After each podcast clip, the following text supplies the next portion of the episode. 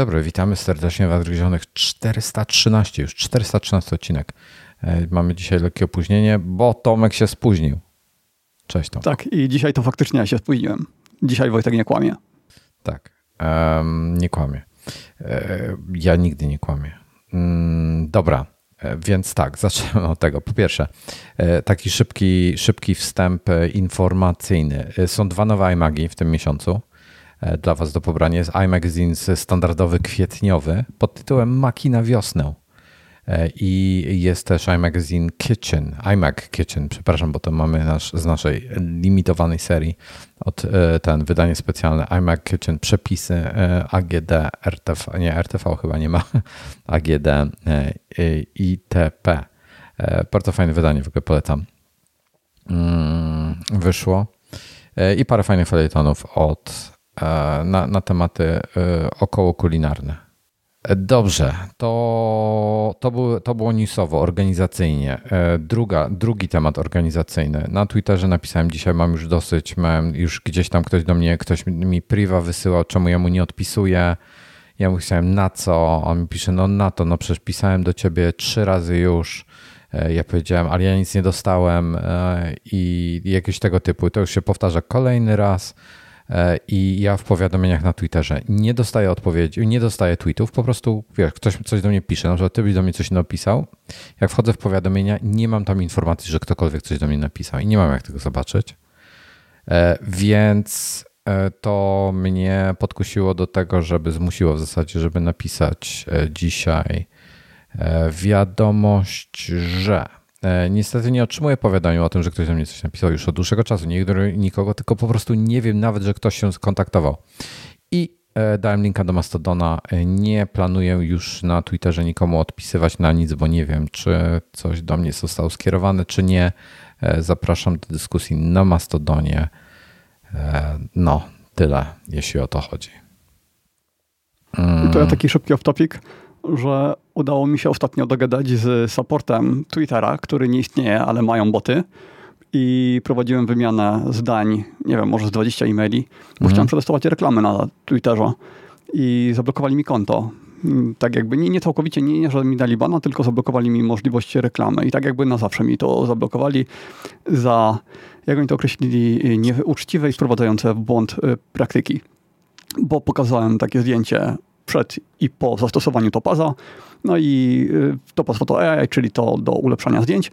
No i oni uznali, że y, to jest scam i, i blokada z automatu, więc y, no, musiałem do nich pisać i w końcu po iluś tam wymianach zdań odblokowali teoretycznie przy czym konto dalej było zablokowane, kolejna wymiana zdań i tak po ostatecznie chyba pięciu dniach moje reklamy ruszyły. Tak tymczasowo na bardzo niską kwotę, żeby zobaczyć w ogóle jak to działa. E, nie zapowiada się, żebym tam został z tymi reklamami, no ale byłem ciekaw, bo w racji tego, że nikt się tam nie chce reklamować już, to ceny mogły być bardzo niskie, mogło się to bardzo opłacać. No i właśnie sprawdzam, czy się to opłaca, e, czy nie. Tyle. Dobrze, tyle jeśli chodzi o wstępu.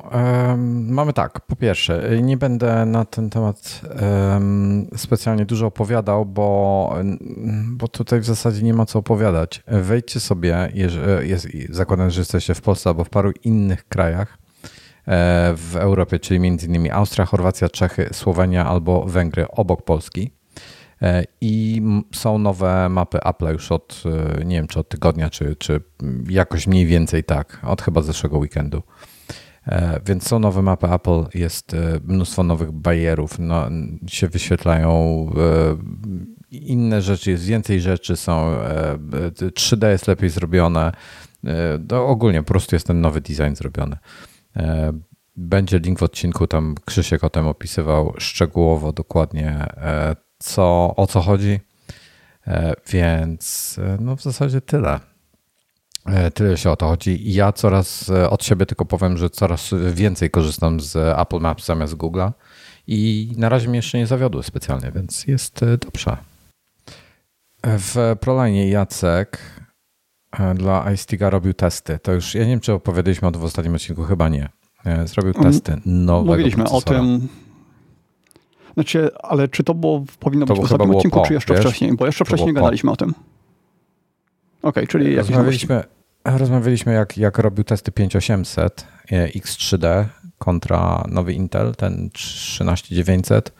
Teraz zrobił 7950 X3D, czyli ten nowy układ. I tam zależy. Jest bardzo. Albo jest w najgorszym wypadku jest podobnie jak Intel, czyli prawie tak samo, typu 1-2 FPS lewo-prawo, a w najlepszym wypadku jest 40 FPS różnicy. Teraz tak. Na 7, korzyść 900, AMD. Na korzyść AMD, przepraszam, nie sprecyzowałem. Na korzyść AMD. E, rzecz w tym jest taka, że e, AMD 7950 nie jest specjalnie dobrze dobranym procesorem do MSFS-a ogólnie, czy do gier, bo to jest wielordzeniowy CPU. Jest, są jeszcze dwa w ofercie, 7900 i 7800. I podejrzewam, że 7800 X3D będzie jeszcze lepiej się spisywał tutaj. E, albo przynajmniej potopnie za dużo. tańszy? On jest dużo tańszy, czy przynajmniej będzie dużo tańszy, bo jeszcze go nie ma e, w sprzedaży, ale powinien, nawet jak nie będzie, wiesz, e, szybszy, to powinien mieć bardzo zbliżoną wydajność do, do tamtego, a powinien być przy tym dużo tańszy. Więc do MSFS-a AMD naprawdę zapowiada się po prostu cache, tak? Kwestia cache'u zapowiada się, to jest świetne e, CPU. Czy hmm. będziesz zmieniał? Bo to już ten czas chyba dla ciebie, tak? Kiedy myślisz nie, nad zmianą twojej platformy, twojego komputera? Jestem, ale powiem ci szczerze, że to nie, jakby nie mam potrzeby tak naprawdę zmieniania, bo, e, bo dalej mi działa, wiesz? Normalnie mam w większości sytuacji hmm. jak, nie, nie, nie mam jakichś specjalnych tych. Są sytuacje, że mam przestoje takie, wiesz, w sensie, że FPS-y mi spadają, ale to nie jest nic ciągłego, że tak powiem, to jest jakiś, jakiś wiesz, typu w Nowym Jorku, jakichś takich dużych aglomeracjach, e, gdzie naprawdę dużo się dzieje, także to jest chwilowe. A e, wiesz, FP, te MS, e, symulatory lotu tak naprawdę 30 FPS-ów ci wystarczy do sprawnego latania, bo tam nie ma, to nie jest DCS, że potrzebujesz mieć, wiesz, super, wszystko płynne, więc to jakiegoś, jakiegoś dramatu nie ma dla mnie, a wydawać tych i tyle kasy, ja, e, ja, wiesz, mnie, nie wiem, może, może się zdecyduję na tego AMD, może poczekam na Next Gen, e, może poczekam na nową, nie wiem, bo, bo GPU tak naprawdę mnie powstrzymuje, tak, przy jakimkolwiek upgrade. Mam 3080 Ti, 4090 nie kupię, za dużo prądu zużywa, zbyt gorący, e, nie, nie tego, 4080 nie ma sensu w ogóle. 4090 chyba to jest jedyny CPU z tej serii, który, który w ogóle warto rozważać, ale on nie spełnia moich oczekiwań. GPU tak, 30, ja mam 3080 Ti, 3090 nie kupię, bo jest za duży, e, więc e, nie ma sensu dla mnie e, robić upgrade'u z 80 Ti na 90, więc wiesz, po prostu zostaję przy tym, co mam na razie. Mogę wymienić płytę CPU i itp. Mm, wtedy muszę też ramy chyba wymienić, bo ja mam DDR4. Nowy Zen potrzebuje piątek. I co? I reszta zostaje tak naprawdę. Płyta główna, chłodzenie, procesor to, to są rzeczy, które muszę wymienić.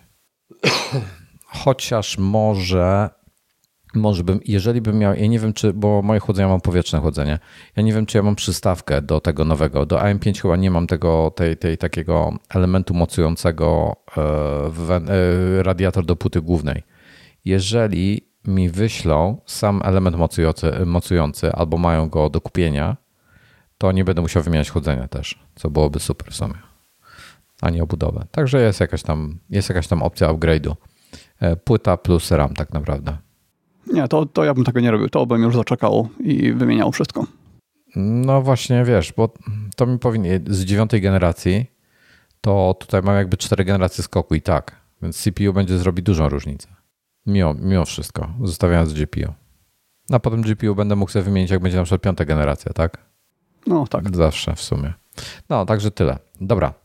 Um, to już skoro jesteśmy o MSFS-ie mówimy, to, e, to, to podpowiem jeszcze, że na YouTube jakiś czas temu to wrzuciłem e, Just Flighta. E, oni mają samolot British Aerospace 146 w ofercie. Oni chyba, on się nazywa chyba 146 Professional produkt. Just Flight 146 Professional i zrobiłem nim pełny lot z płatnego lotniska Nelson do płatnego Christchurch, które są bardzo, bardzo, bardzo fajne lotniska i samolot jest bardzo fajny. Nie kosztuje dużo jakoś specjalnie jak na tego typu samolot i niedługo będzie jego update oraz nowa wersja, jeszcze druga wersja w wersji Avro. Więc polecam obejrzeć, jak ktoś się interesuje tego typu rzeczami, bo jest to nie, rzadko niedoceniany samolot dla MSFS, a jest bardzo fajny. Dobrze. Path, teraz tak, twój temat. Path tracing czy aplikacje do typu Mum i Stay? Co wolisz? Aplikacje. No to dawaj.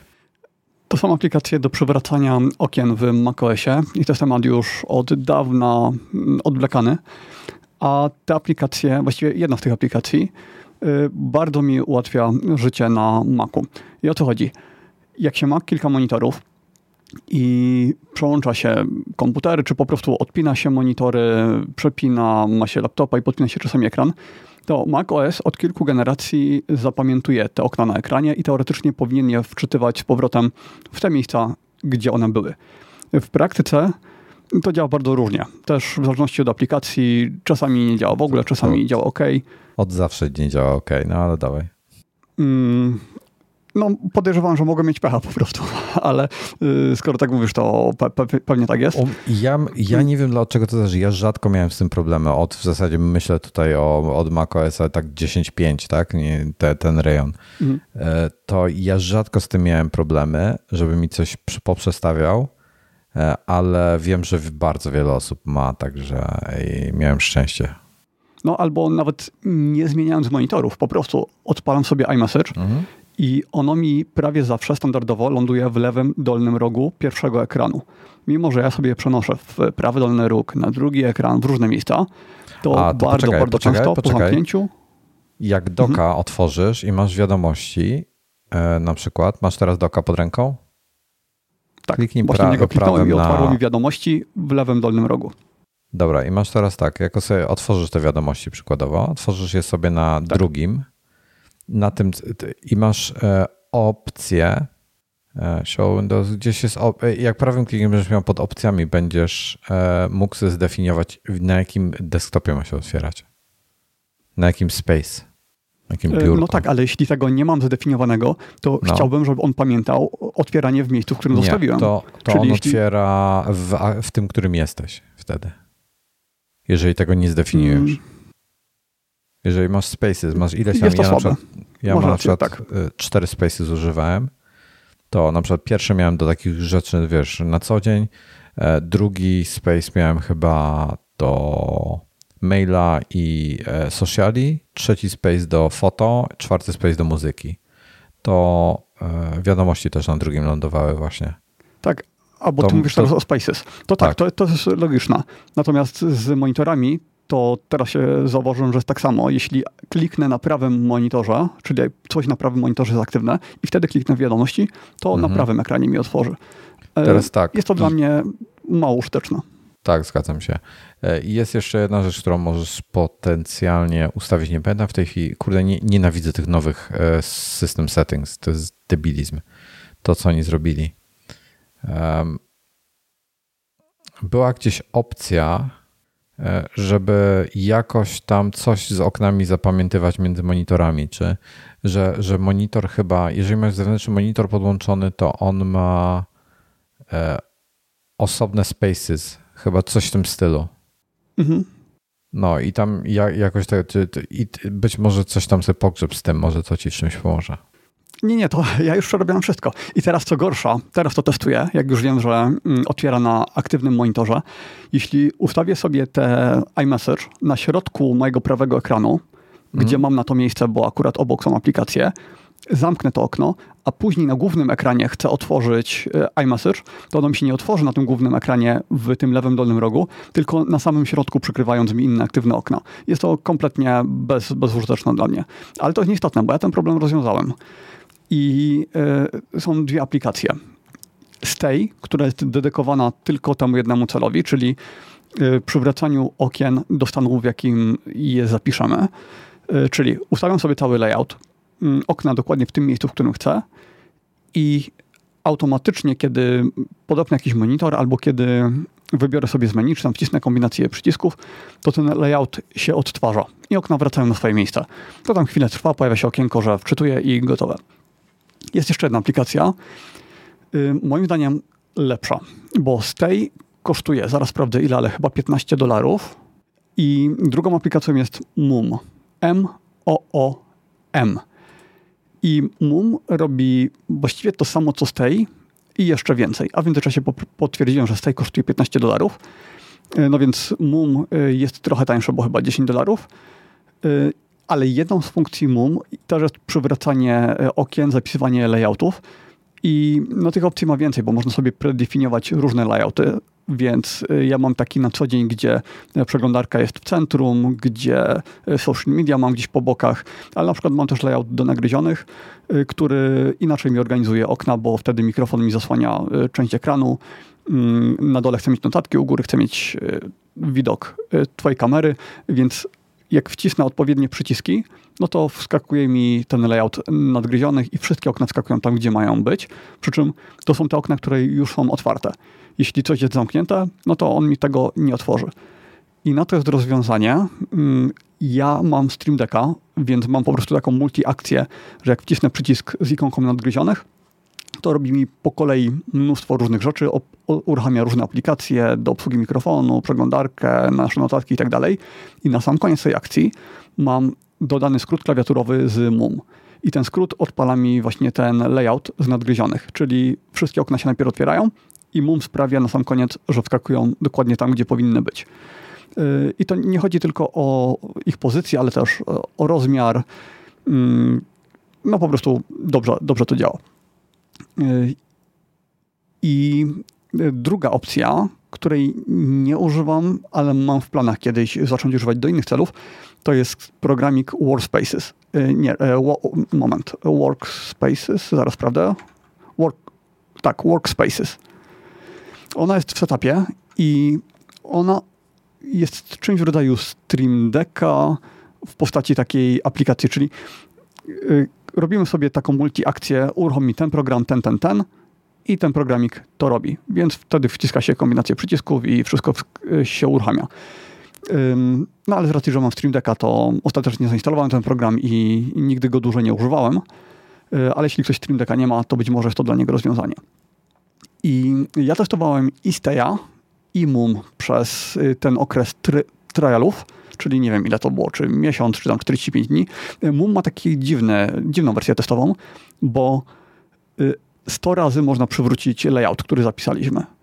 No więc w zależności jak często się tego używa, to trial może się skończyć po kilku dniach albo po kilku miesiącach. W przypadku Steya to jest standardowo mm, ileś tam dni, chyba 45 albo 30 być może jest coś, jakaś zaleta tego steja, której ja nie dostrzegam, bo mhm. on jest droższy, ma tylko jedną funkcję. Jednocześnie wiem, że jest popularny, być może przez to, że był pierwszy, mm, ale tak, jest popularny. Y, ale ja się zdecydowałem na MUM. Poza tym MUM działa mi szybciej.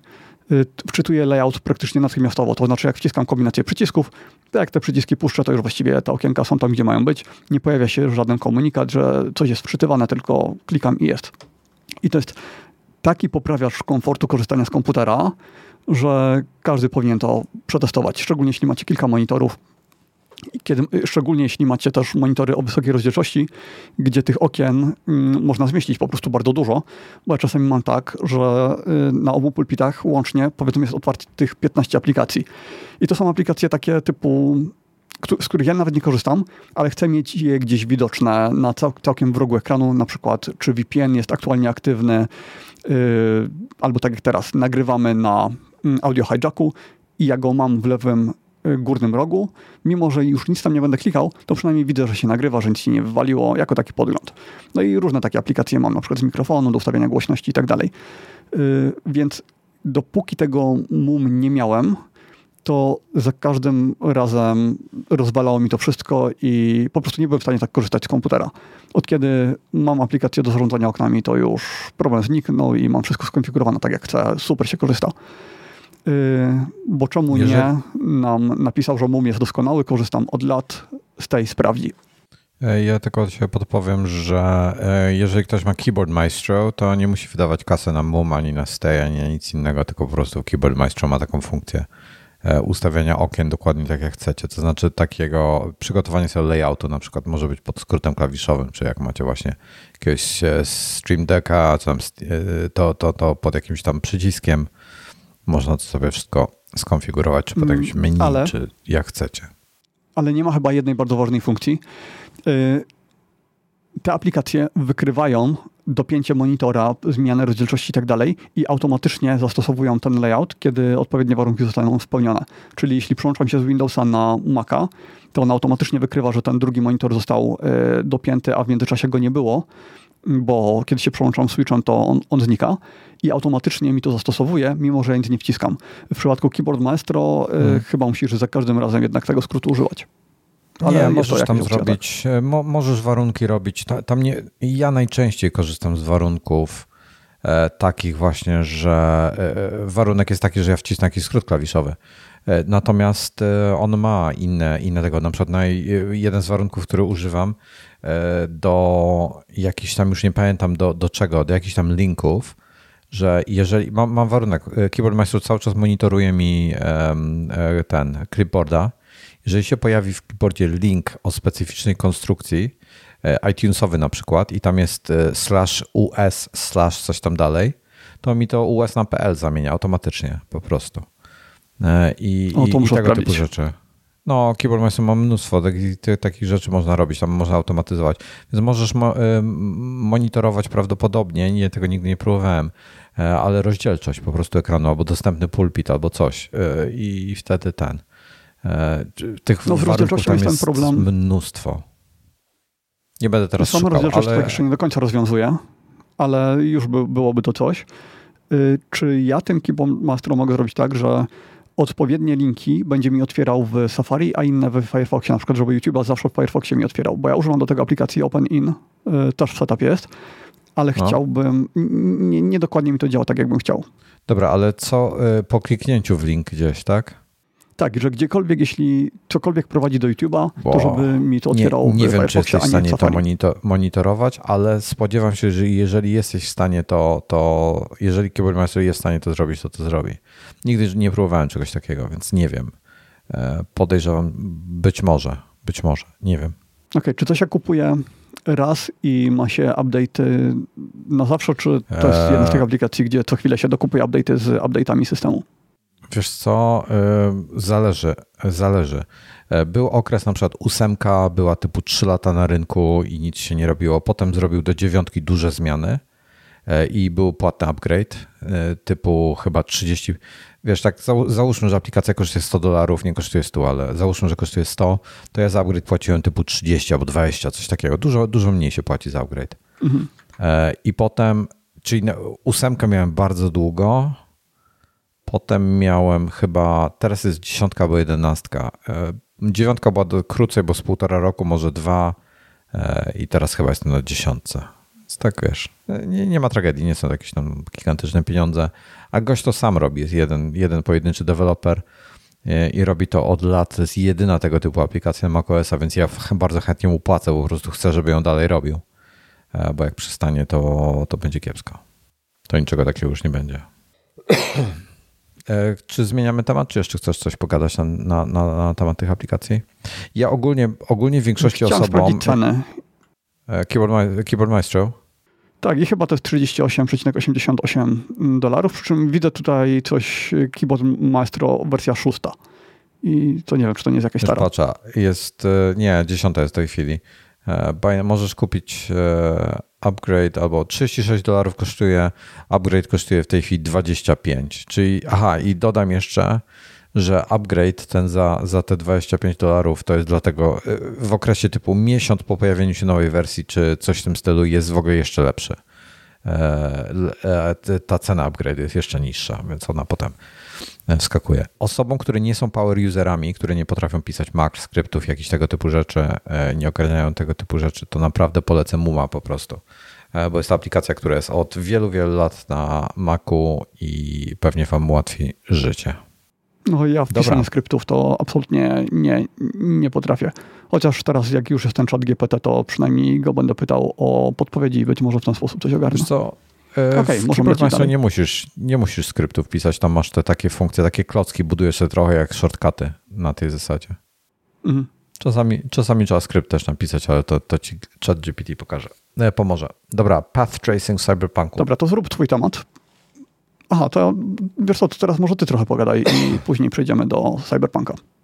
Dobra, to ja w takim razie poruszę temat. E, w zasadzie, co, gadać o tym, o tatuażu? Teraz czy później? Mogę teraz w sumie.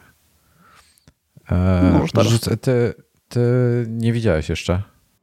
Widziałem tylko w trakcie tworzenia jakieś A, w trakcie Tak, tak. E, to ja zerknę, bo ja wrzucałem, trochę zdjęć wrzucałem na e, tego, na e, Ivory, na, nie na Ivory, widzisz, dla mnie stał się Ivory, na Mastodona, ale głównie wrzucałem na no to Mówimy to, to o tatuażu Wojtka. Tak. Tak, bo ja, y, być może ci, co mnie dłużej śledzą, tam pewnie czytali na Macowym ABC, czy na Infinite Diaries, czy potem jeszcze na Imago, e, o tych moich tam jakichś e, perypetiach z, z, e, prywatnych z ostatnich paru lat, typu 10. I tak jakby z podsumowaniem tego wszystkiego będą właśnie tatuaże. I i, i, i, no i w końcu się zdecydowałem, wiesz, już od dwudziestu paru lat czekam, e, myślę nad tym, jaki zrobić tatuaż i w końcu znalazłem gościa, który mi odpowiada, e, który zrobi to, co chce i trochę poczytałem o tym, po, nauczyłem się e, paru rzeczy e, i, mm, i no i zacząłem, zacząłem ten tatuaż robić. Generalnie rzecz biorąc e, jest to, dobra, w skrócie, E, tatuaż japoński. E, nie będę. E, tatuaż japoński. Jego historia sięga, zależnie tam kogo się pytasz, od 10 do 15 lat przed naszą erą. 10, przepraszam, tysięcy do 15 tysięcy lat przed naszą erą. Więc bardzo, bardzo stary tatuaż. Od, od tysięcy lat jest tworzony, znaczy ma sztywne zasady. Jest, te, te zasady są tam przez nich jakieś ustalone i od razu tutaj powiem, są, są dwa. Jest tatuaż w stylu japońskim i tatuaż tradycyjny japoński. To są dwa różne rzeczy. I neo jeszcze jest i jeszcze neo-japoński. To są różne tatuaże. Ja zdecydowałem się na tradycyjny japoński, gdzie się e, trzyma sztywnych reguł i e, w związku z tym normalnie po takie tatuaże trzeba do Japonii jechać, bo bardzo mało osób na świecie, które, które robią tradycyjny japoński. E, ale udało mi się znaleźć gościa, który tatuuje w Londynie i w Niemczech. 23 lata uczył się w Japonii, jak się tatuuje? U e, mistrza, e, jak on się nazywał, Horiyoshi III w e, Yokohamie, w mieście Yokohama był, więc robi, robi bardzo fajne rzeczy, ma ponad 30 lat doświadczenia w tatuowaniu. Mm, jest po prostu świetny, jest bardzo szybki, bardzo szybko to robi. E, I dlatego się, dlatego się zdecydowałem. E, ustaliliśmy już, rozmawiamy, jakby tam prowadziliśmy jakiś tam dialog od dłuższego czasu, od, od paru miesięcy e, i ustaliliśmy mniej więcej, jak to będzie wyglądało. To znaczy, generalnie tatuaż japoński opowiada jakąś historię, czy to osobistą, czy raczej jest to wizualizacja jakiegoś mitu czy legendy. Tych, jak się spodziewacie, mitów, legend japońskich są tysiące czy nawet dziesiątki tysięcy, więc inspiracji generalnie nie brakuje. E, I, i ja, ja mam u siebie, ja mam na swoim. Aha, no ja nie jestem Japończykiem, ja nie, e, jakby nie utożsamiam się specjalnie z ich e, religią czy, czy, czy, czy początkami, bo nie jestem Japończykiem, Kulturą. więc nie będę tutaj tak, nie będę tutaj ściemniał i się wkręcał w takie rzeczy, ale chcę zaadoptować, zaadoptowałem dwie, dwa ich mity, do, które jakby mm, pasują do tego, do, do tych jakichś tam moich e, przeżyć z ostatniej dekady i zaadaptowałem te dwa mity tak, żeby, żeby fajnie mi się wpasowały w tą całą teorię moją, więc one, one opowiadają, jakby oparte są na mitach E, starych mitach japońskich, ale opowiadają moją historię. E, I, i to są, i, i, i będzie, i, aha, i teraz tak, e, jak wygląda taka procedura? Bo ja nie mówię gościowi, bo wiele osób, tak jak, jak się dowiedziałem, przychodzi i mówi, ja chcę mieć to. Tutaj działa to trochę inaczej. Tu działa, gość jest po prostu artystą. Mówisz mu, ewentualnie y, on ci powie, warto się zapytać, jaki, jaki on chce mieć feedback od ciebie na, na pierwszym wypadku. To nie, nieważne, jaki tatuażysta. Ten robi w ten sposób, że on chce, on chce ode mnie usłyszeć, co lubię, czego nie lubię y, i, co chce, jeżeli to jest jakaś właśnie historia osobista, to jaka to jest historia i tak dalej. I on potem na podstawie tego, on zaczyna rysować. I on nie rysuje na kartce papieru, on rysuje na swoim ciele po prostu od razu. Co lubię, czego nie lubię. Czy tutaj chodzi konkretnie o że mówisz mu, jakie tatuaże ci się podobają, jakie nie, czy bardziej o twoje, o twoje życie i on na bazie tego tak jakby do, do twojej osobowości stara się wtedy dopasować? E, bardziej tutaj mi chodzi, bo w, w, w, tatuażach japońskich jest bardzo dużo, e, jest bardzo dużo aniołów, e, bogów, samurajów, zwierząt, kwiatów, natury. Wszystko jest symbolem. Wszystko jest symbolem.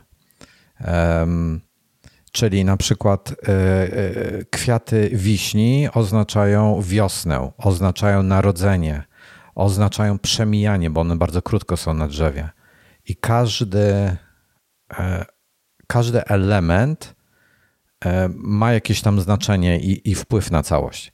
I na przykład jest taka zasada: nie możesz robić e, jeżeli zdecydujesz, są cztery sezony, są cztery pory roku, tak? Masz, masz wiosnę, lato, jesień, zimę.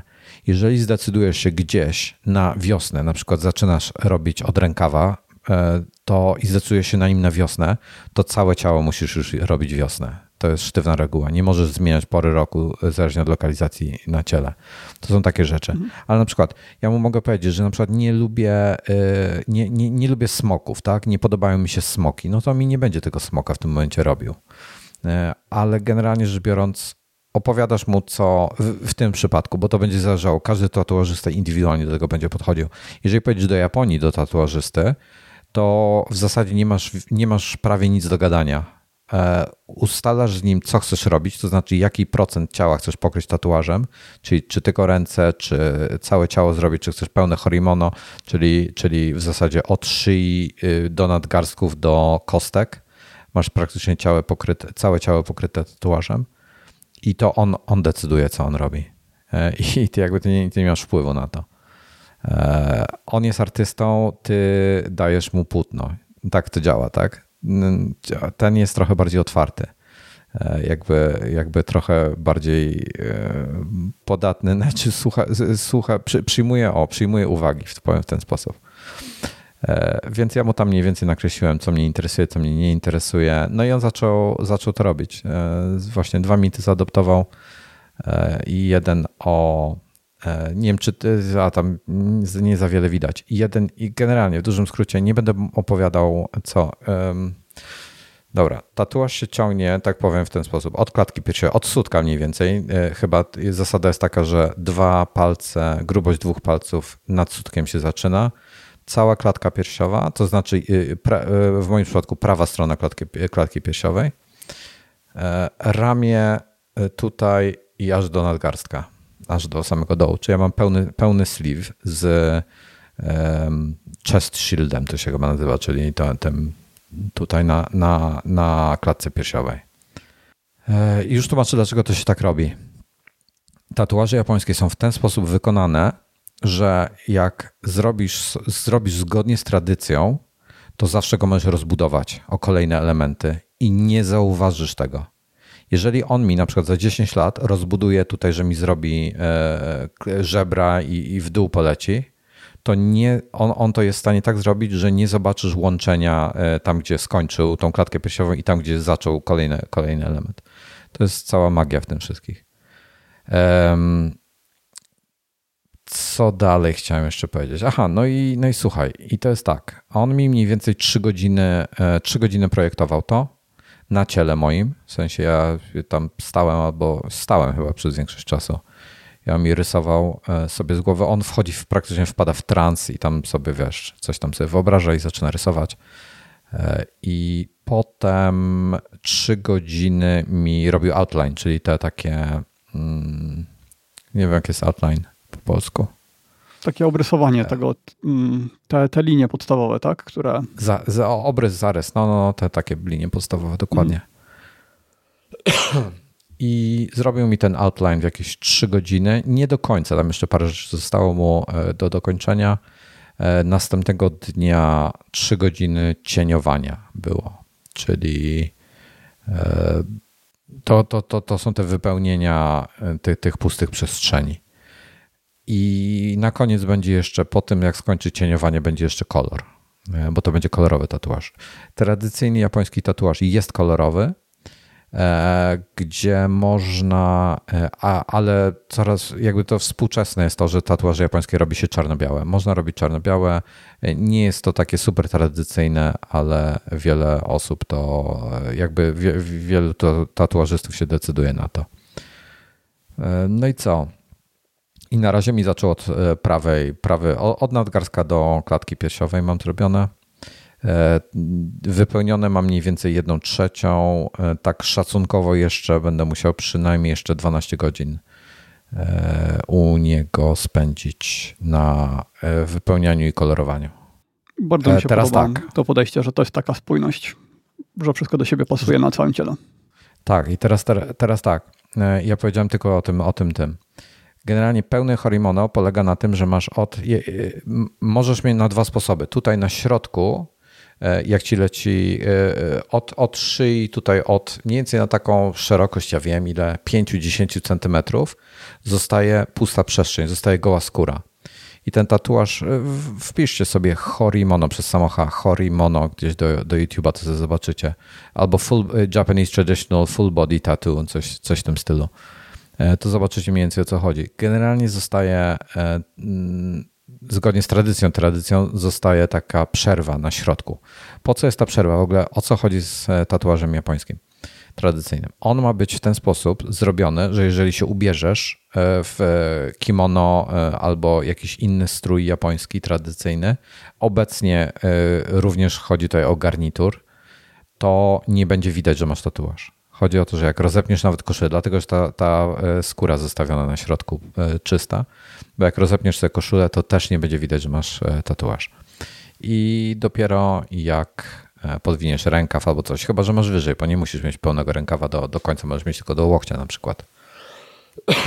Więc e, to jest, to, to jest, wiesz, Japończycy tutaj bardzo się tym przejmują, bo w Japonii, w Japonii w, jakiejś, w okresie Edo, czyli już, już dosyć dawno, zaczęto wykorzystywać tatuaż do oznaczania e, przestępców. E, przestępcu, przestępców oznaczali e, z różnych powodów, natomiast niedługo potem Yakuza przejęła tatuaże takie te, te pełne, te horimono. Yakuza je przejęła dlatego, czyli ci gangsterzy lokalni, mafiozi, oni dlatego to robili, bo było to wykazanie odwagi, pokazanie, jacy oni są wytrzymali, no bo to jest bolesne i ogólnie rzecz biorąc, mm, to zaczęło się, za, za, temat y, tatuaży zaczął, stał się tabu po prostu w Japonii. Dzisiaj to się powoli odmienia. Jeszcze nie do końca, ale powoli się odmienia. E, I e, sorry, e, Cloud Dancer mnie rozproszył swoim komentarzem. I i dlatego oni, oni, dla nich jest ważne zakrywanie tego. Dla nich to jest styl życia w ogóle. Oni się spotykają, na przykład ci wytatuowani nie Jakuza, tylko po prostu ci, co robią to dla sztuki. Spotykają się raz do roku, mają rytuał e, oczyszczający, idą e, po taki specjalny wodospad całym, całą grupą, tam 40, e, ostatnio chyba było 40 czy 80 parę osób która właśnie poszła po taki, po taki wodospad. Ich jakiś tam, nie, nie, nie znam historii związanej z tym wodospadem, natomiast on jest jakiś tam specjalny e, i wyjątkowy w ich kulturze, więc e, oni tam chodzą. Także oni, oni to traktują tak bardzo głęboko, duchowo do tego tematu podchodzą. I dlatego też z tym zakrywaniem jest tak, że ludzie nie akceptują tych tatuaży, szczególnie starsi ludzie, E, młodzi to już są zupełnie inaczej podchodzą do tematu, ale, ale ci starsi datą nie akceptują tego, dlatego oni dalej je zakrywają. E, I stąd ta cała koncepcja. E, natomiast sama konstrukcja, właśnie tak jak, jak wspomniałem, tatuaż jest taka, że tego się nie robi na jeden raz całego, całego Horimono, tylko to zajmuje lata, dekady. To, to, to jest bardzo czasochłonny proces.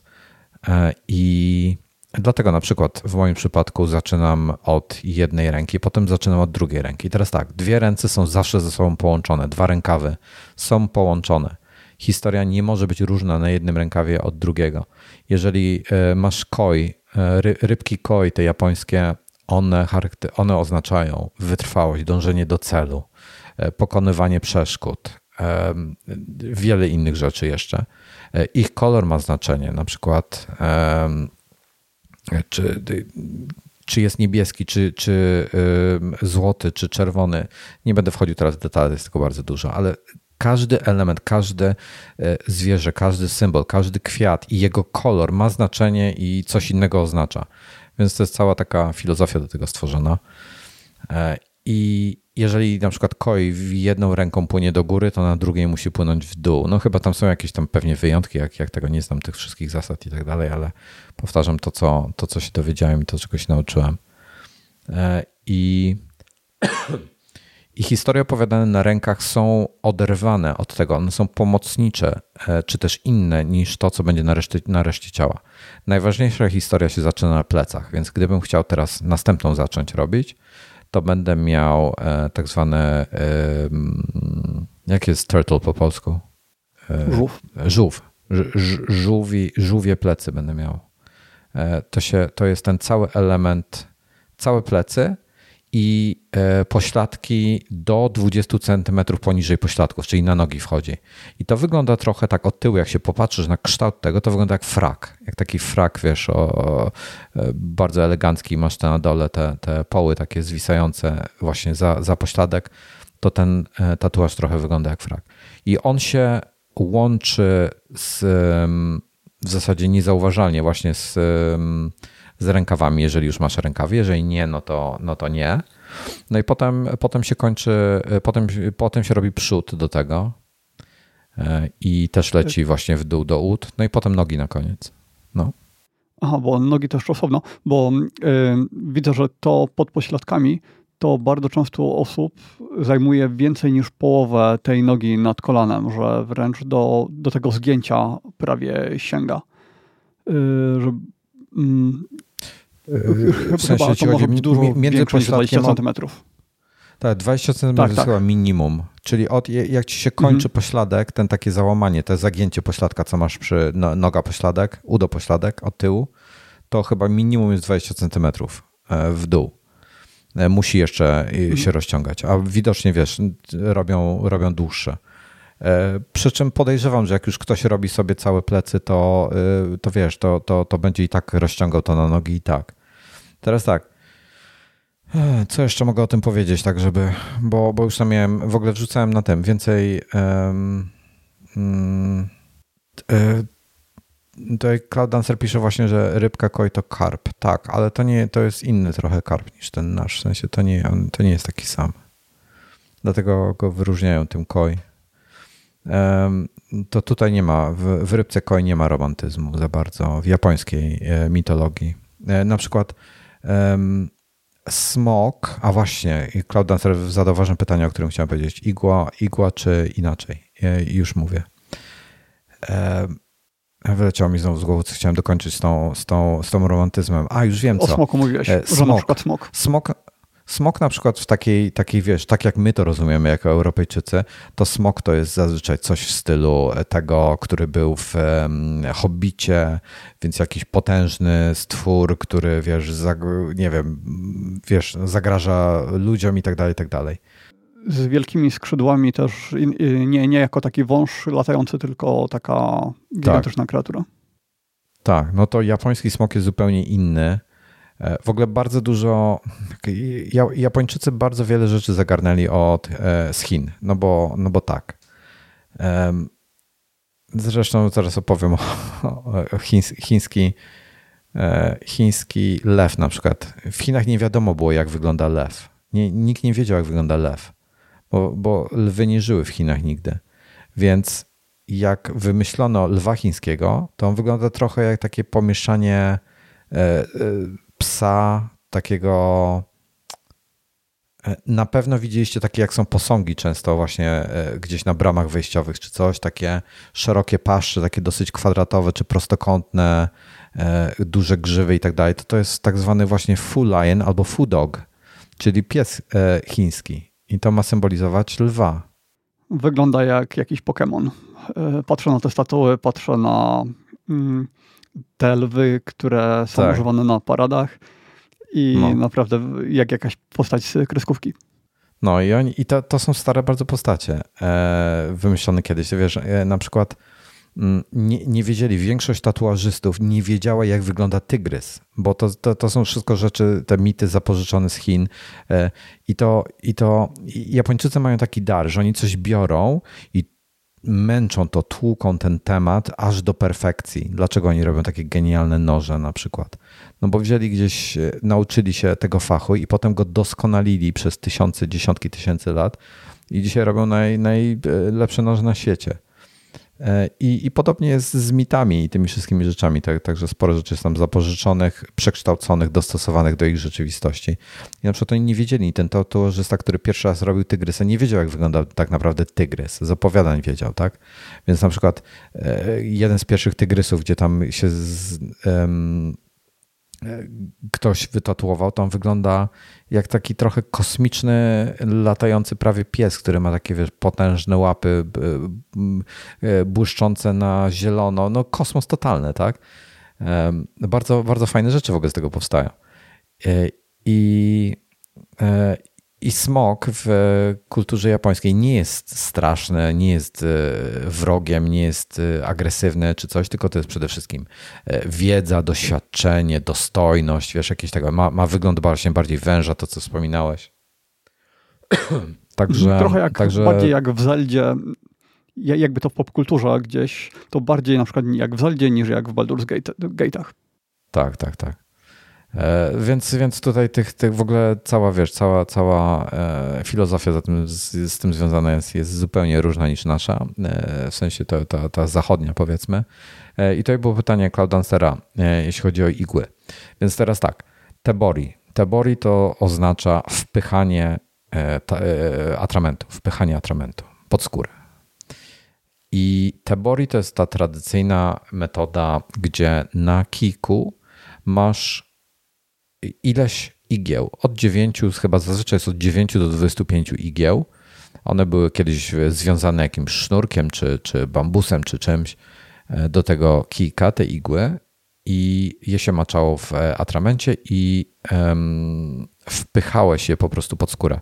Palcem sobie przytrzymywałeś na, na skórze y, jakieś miejsce i te, ten, ten kijek kładłeś, opierałeś sobie tutaj na palcu i tak nim poruszałeś i wbijałeś go w skórę. E, obok coraz bardziej, coraz głębiej. I to jest specyficzne. To, jest, to się nazywa, ta technika się nazywa tebori ogólnie. E, robi się, to jest, to jest y, trochę inaczej taki tatuaż wygląda, ponieważ te igły są wbijane mniej więcej pod kątem 405 stopni, e, więc ten atrament jest pod innym kątem, który jak, jak, jak wchodzi nam pod skórę niż maszyną. Natomiast ja chciałem oryginalnie zrobić sobie tebori.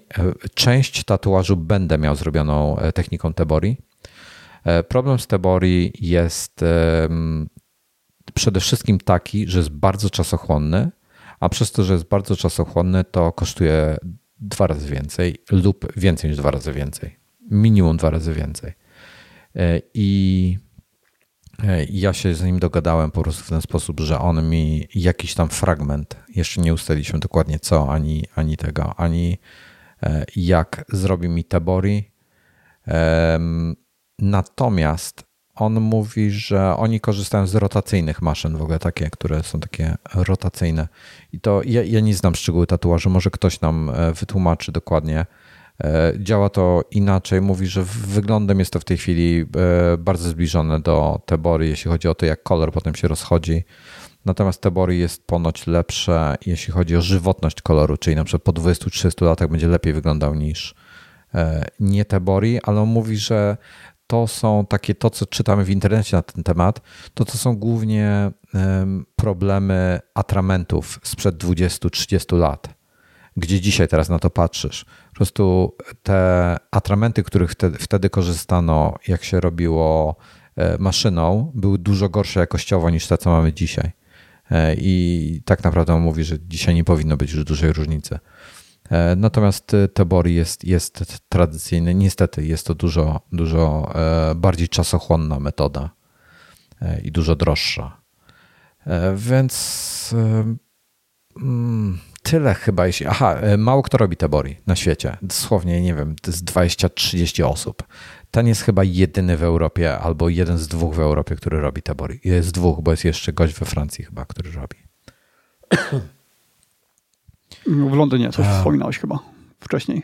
Te, ten, robi, ten robi właśnie w Londynie i w, w Niemczech. On przyjmuje i tu, i tu. A, okej. Okay. Mm. Myślałem, że to dwie różne osoby. Cherry Sandwich się pytał mnie o ceny, jaki jest koszt. E, mogę powiedzieć, że górna granica jest absurdalna. Dolna jest bardzo różna. To zależy, wiesz, to, to, to jest indywidualny temat. E, z tatuażystą trzeba się spotkać, pogadać z nim, ustalić cenę, e, bo przede wszystkim w przypadku małych jakichś rzeczy wyceniane jest, e, on po prostu ci wyceni. Na przykład, nie wiem, chcesz sobie zrobić, kurde, serduszko na ramieniu, tak? To on ci powie, że no dobra, to za to ci wezmę 50 euro, tak? Przykładowo. Ale jak chcesz zrobić sobie cały rękaw, to to, to on nie wie, ile to będzie kosztowało. To, to, to, może być 12 godzin roboty, to może być 25 godzin roboty i on wtedy po prostu charge'uje za godzinę pracy. E, za godzinę pracy też to się będzie różniło zależnie od tego, co robisz, e, kim jesteś, skąd pochodzisz e, i TP i TD, więc to jest wszystko indywidualnie dobierane także, także nie, będę, nie będę tutaj na ten temat za bardzo wchodził, bo to będzie nieaktualne dla innych osób. Mogę tylko jedynie powiedzieć, że rękaw to jest jakieś. Pamiętam chyba pełny rękaw to jest chyba od 18 do 25 godzin roboty, plecy to jest do 35 albo do 35-50. Mm, generalnie całe ciało to jest typu tak 150-200 godzin, e, żeby to dokończyć. Ja w tym roku robię e, prawą, e, pra, prawy rękaw. Może na jesieni, bo nie chcę latem oczywiście, bo to niewygodne jest może latem będę robił lewy, a prawdopodobnie na przysz w przyszłym roku dopiero, też na wiosnę. E, I potem zobaczymy. Na razie mam pozwolenie od siły wyższej na dwa rękawy. E, chcę zrobić dodatkowo jeszcze całą resztę, więc nie wiem, co z tego wyjdzie, ale e, zobaczymy. Nie wiem, czy będę miał na to kasę. Zacznijmy od tego. No, dobra, teraz tak. E, miałem jeszcze już pytania pomocnicze. E, w ogóle na tym, na Instagramie wrzuciłem dwa reelsy, tam jest trochę więcej e, treści, jak chcecie sobie zobaczyć. Czekaj, czekaj, ty masz, ty masz Instagrama? Tak, od dekad, panie. Małpa Moridin po prostu, Zaczynam bez szukać. jedynki, po prostu Małpa Moridin.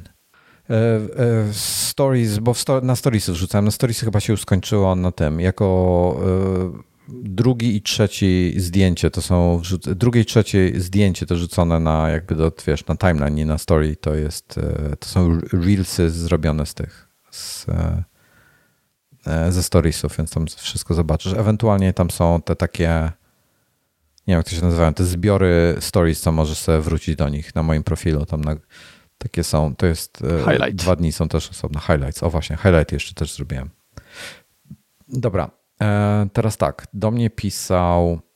E, nie, nie wiem, czy on chce, żebym powiedział, kto do mnie pisał, więc nie będę mówił, ale um, napisał, że on był. To, to jest w ogóle gość, ten Holy Fox Tattoos, to, to jest pierwszy namaszczony tatuażysta japoński w Europie. Bo on przyjechał. Kiedy on przyjechał? No mówię, 20, chyba 23 lata temu zaczął, czy więcej już w tej chwili, zaczął pobierać nauki u tego Horiyoshi trzeci, u Horiyoshiego trzeciego e, i mm, i co, no i już naprawdę sporo wytatuował. Gość genialny jest. E, I tutaj e, jakie jeszcze było pytanie? A jak wygląda proces umawiania i projektu? Pytanie było. Dobra, proces umawiania projektu był taki, że się skontaktowałem z nim telefonicznie, zadzwoniłem do niego pogadałem z nim z godzinę, e, umówiłem z nim jakąś datę, powiedziałem mu mniej więcej, co chcę. E, potem tekstowo jeszcze SMS-owo mu powysłałem parę rzeczy, które mi się podobają, nie podobają. I potem jak się spotkaliśmy, on już miał jakieś tam pojęcie o tym. Aha, i umówiłem z nim termin. Jako, że przyjeżdżam, on normalnie mm, nie, on normalnie spotyka się, e, robi sesje trzygodzinne ale musisz sobie powiedzieć, aha, i on bierze tylko, on, on kosi tylko i wyłącznie za tatuowanie, czyli te trzy godziny, co z nim spędziłem i on słuchał mnie, co chce, pokazywał mi, co, znaczy opowiadał mi, co chce zrobić i potem rysował to na mnie, to to było mniej więcej trzy godziny, które są w cenie. Jakby on nie, nie liczy za to osobno. I to wszystko było. Um, to, to, to, wszystko było jedno po drugim, czyli, czyli zaczęliśmy od 10 i tak naprawdę chyba około 17 e, od niego wyszedłem. E, I w zasadzie nawet nie wiem, czy był sens pokaz- e, informowania go tam SMS-em o tych różnych rzeczach, bo to na bieżąco już jakby jak, jak usiedliśmy, to, to wszystko ustaliliśmy. Czy nadal robi takie duże obrazy, czy też masz jakiś wpływ na efekt? E, nie wiem dokładnie, co znaczy takie duże obrazy. Zakładam, że, że chodzi ci o to, na przykład, jakbyś plecy robił, że, że jest taki gigantyczny smok, gdzie jego twarz zajmuje ci pół pleców. E, generalnie to on chyba takich nie robi standardowo. To, to być może jakieś były tego. Normalnie to są mniejsze rzeczy, bo tam trzeba więcej, więcej rzeczy zmieścić na tym. tym. Natomiast Mm, można trochę jego e, sztuki znaleźć i u niego na stronie, i na jego Instagramie. Ale masz wpływ na efekt, jaki chcesz mniej więcej. No przede wszystkim możesz ustalić jakiś na przykład jakiś mit, albo jakieś opowiadanie, albo napisać, wymyślić własne opowiadanie. On ci to trochę przełoży na japońską kulturę. Całkiem sensownie to, to myślę, że, że będzie zadowolony. Ale zostawiasz mu, on jest generalnie tak, im więcej mu zostawisz wolnej, kreatywnej przestrzeni, to tym lepszy będzie tatuaż. Być może, być może tobie się nie będzie podobał bardziej, ale będzie to lepszy tatuaż. Teraz tak, jak wygląda sesja i relacja klient? On generalnie, do niego większość ludzi, które przychodzi, przychodzi po duże projekty, nie, nie po jakieś drobnostki. I no racja jest taka, że jak się z nim, jak się z nim dogadasz, zaprzyjaźnisz, no to w zasadzie wiesz, stajecie się kolegami, jakąś tam rozpoczynacie podróż, e, gdzie przez najbliższe lata będziecie się spotykali raz na ileś miesięcy na kolejne tatuowanie. On generalnie robi w ten sposób najlepiej, że raz w miesiącu przyjść, wpaść do niego na godzinkę do trzech i coś tam podłubać sobie, tak? Raz w miesiącu. Ale to jest dobre dla lokalesów. Jak przyjeżdżasz z zagranicy, no to to jest niepraktyczne. No to wtedy właśnie polecę dwie sesje po trzy godziny. Przyjeżdżasz rano, na 14 się z nim umawiasz e, tego dnia, następnego dnia na 10 rano wieczorem wracasz na, na tej zasadzie. E, I to, to, są, to są dwie sesje po 3 godziny, 6 godzin. Teraz tak, mało kto wytrzymuje 3 godziny jednego dnia, a co dopiero 6 godzin rozłożone na dwa dni, czyli dwie sesje po 3. Ja ponoć jestem, on powiedział mi, że jestem jed, i, i, i, ta, takie osoby jak ja, to jest jedna na 15, jedna na 20. Nie wiem dlaczego tak było. Ja w, w ogóle mnie nie bolało. Przesadzam, bolało mnie, ale jakby taki delikatna irytacja to była dla mnie. To nie było, to, to inaczej, ugryzienie komara było dla mnie bardziej irytujące niż to, to robienie te, te tatuażu. E, prawie w ogóle mnie to nie bolało. Było parę elementów, e, miejsc, gdzie klatka piersiowa e, czułem, czułem ból największy i bardzo nieciekawe było, był łokieć. Tam wokół tego miejsca, gdzie masz to, to, tą kość taką, co ci, tą dziwną skórę taką twardszą, co masz, wiesz, wiesz w którym miejscu, tam na, na czubku łokcia jakby, to ta przestrzeń bezpośrednio wokół tego jest bardzo wrażliwa. I tam nie bolało i klatka piersiowa. Reszta ręki tak w zasadzie, wiesz, luzik totalny. Szczególnie zewnętrzna. Wewnętrzna część trochę gorzej. On mówi, że najgorsze są żebra i ewentualnie piszczele. Mówi, że to jest tragedia. Najczęściej stosuje taki krem um, znieczulający. On ma specjalny krem znieczulający e, własnej roboty, bo normalnie taki znieczulający trzyma, taki apteczny, trzyma pół godziny, jego trzyma dwie. Ale on mówi, że bardzo mało kto, na przykład przyszedł do mnie, e, po mnie przyszedł gość, na trzy godziny miał umówioną sesję, E, w ogóle duży chłopak, tak? Umieśniony taki, nie powiedziałbym kafar, ale, ale daleko mu nie brakowało, jakby jeszcze trochę poćwiczył. I on po godzinie wymiękł. Po prostu mówił, że już nie jest w stanie.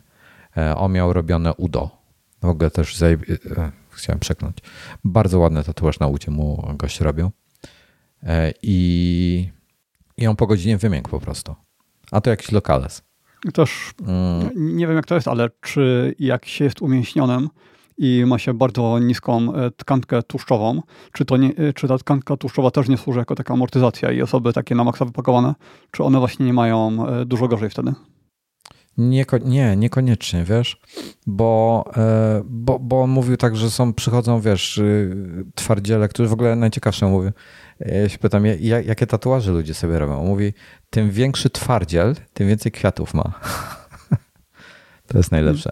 Czyli mówi, jak to jest jakiś, jakiś, jak to jest jakiś zabijaka, to on sobie robi w zasadzie, e, bo tatuaż japoński składa się z podkładu, tak, tak zwany backgroundu, i właśnie na przykład jakieś elementy, czy to będzie jakaś rybka, czy smok, czy kurde tygrys, czy, czy e, kwiaty, to mówi, to ten naj, największy zabijaka to przychodzi i robi tylko tło i kwiaty, nic więcej. A, a jak jest taki trochę cienias, to będzie sobie robił właśnie jakiegoś smoka, który mu się ciągnie przez całe ciało. E, także ten, także te, te, te, ty mnie rozśmieszył. I ale mówi, że ten, że większość ludzi, tak wiesz, godzinka, dwie to jest, to jest za dużo już dla nich, to jest maks, co są w stanie wytrzymać. Ja, miałem, ja nie miałem problemów trzy. On mówi, że bardzo rzadko. On mówi, że to nie zależy od e, tego, jak to jest umieśnione, czy jest gruby, czy jest chudy, e, czy jest młody, czy jest stary tylko cholera wie tak naprawdę. Po prostu nie ma konkretnego jakiegoś, jakiegoś tego. Ten gość, który był, co, co mówiłem, co wytrzymał godzinę, on 20, 20 lat wcześniej miał na piszczelu robiony tatuaż. On mówi, że zrobił go y, przy jednym posiedzeniu bez problemów żadnych. E, a teraz na udzie, gdzie piszczel jest bardziej wrażliwym miejscem niż uda, on na udzie po godzinie wymiękł. Więc to, jest, to może być kwestia jakaś, wiesz, e, ciała, tego, co się z nim dzieje. Być może wiek ma większe znaczenie tutaj niż, niż co innego. I ja mówię, specjalnie mnie to nie przeszkadzało, natomiast problemem jest dla mnie, na przykład problemem by było, gdybym ja mógł, y, musiał do niego podróżować tam te tysiąc kilometrów raz na przykład w miesiącu, czy raz na dwa miesiące, tylko na godzinę, tak? Bo to w tym momencie to, to mhm. będę robił przez 10 lat. I, I to są też dodatkowe koszty ta podróż, więc e, wiesz, to jest, to jest kłopotliwe. Dobra, tutaj jeszcze ostatnie było. A, e, i czy jeszcze, czy to jest, e, czy, czy wpadłem do mnie na chwilę, czy masz zamknięty projekt, czy to jest początek dłuższej drogi? Więc ja mu powiedziałem ogólnie, że dla mnie to jest, ja chcę docelowo pełne Horimono, czy kiedyś do tego dotrę, czy nie, to wiesz, to się okaże, będę pewnie miał 70 lat i, i jeśli dożyję 70 i, i wtedy ewentualnie będzie kończył, e, ale przede wszystkim siła wyższa musi jakieś nam pozwolenie wyrazić. Na razie, jak mu wspominałem, powiedziałem mu, mam zgodę na dwa e, Steve'y, ale e, ma wziąć pod uwagę, że chce zrobić całość, więc jakby w głowie, żeby już sobie układał całą resztę. Ja powiedział, ok, rozumiem to. No i tyle. W zasadzie tyle, jeśli chyba o to chodzi. Więc mam jeszcze przynajmniej 12 godzin wizyt, minimum 12 godzin wizyt u niego na dokończenie tego sliwa. Koniec. Jak macie jakieś pytania, to, Że, to, że artysta decyduje o tym, jak to wygląda, a nie, że ty mu mówisz, y, też mi się bardzo podoba, bo tak naprawdę mało osób prawdopodobnie ma skilla, żeby zaprojektować coś albo chociaż zaproponować coś lepszego niż y, osoba, która się w tym specjalizuje całe życie.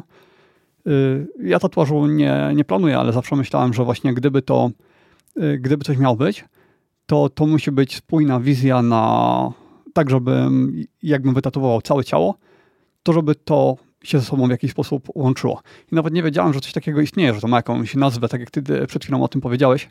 E, te hori, e, horimono. Horimono. E, tak, tak. Więc dla, dla mnie to wszystko, co powiedziałeś, to jest zupełna nowość i no, kiedyś się tam o tym doedukuję. No i tu, tu, tutaj widzisz, tu, tu mi wychodzi jakbyś... aż, do, a, aż w dół do sutka mi idzie. Mm, a jak to jest, yy, powiedzmy, że postanawiasz zacząć chodzić na siłownię i wciąga no. cię to mocno, to yy, co wtedy z y, takim tatuażem? Czy, y, bo on się wtedy trochę zdeformuje, ale na przykład czy to wypełnia się tuszem też te Nie, y, czy na wiesz, przykład z... wtedy trzeba poprawić chodzi mi też o to, że ten tusz się tak jakby, te przestrzenie między nim się rozchodzą, więc pewnie e, blaknie. Słuchaj, czy to się on, poprawia w taki on powiedział, co, co się wtedy robi? On powiedział w ten sposób, słuchaj, e, Japończycy do tatuaży podchodzą w ten sposób, że to jest coś, co żyje razem z nimi I tak jak człowiek się starzeje, staje się coraz brzydszy albo ma jakieś tam, wiesz, zmarszki i tak dalej, no okej, okay, część osób będzie poprawiała te, te zmarszki, pójdzie na operację plastyczną. Natomiast e, Japończycy generalnie do tatuażu podchodzą w ten sposób, że to jest coś, co ewoluuje to, czy on się trochę rozmarze, czy już nie będzie taki wyraźny, nie będzie taki ostry, to jest po prostu kolejna, wiesz, kolej losu i oni z tym nic nie robią. Nie poprawiają tatuaże. Mhm. To jako ciekawostkę, gdzie powiem, byłem e, ze swoim, e, z jednym ze swoich zegarków u zegarmistrza, takiego co, wiesz, taki dobry zegarmistrz. I mówię, że o, parę... rysy.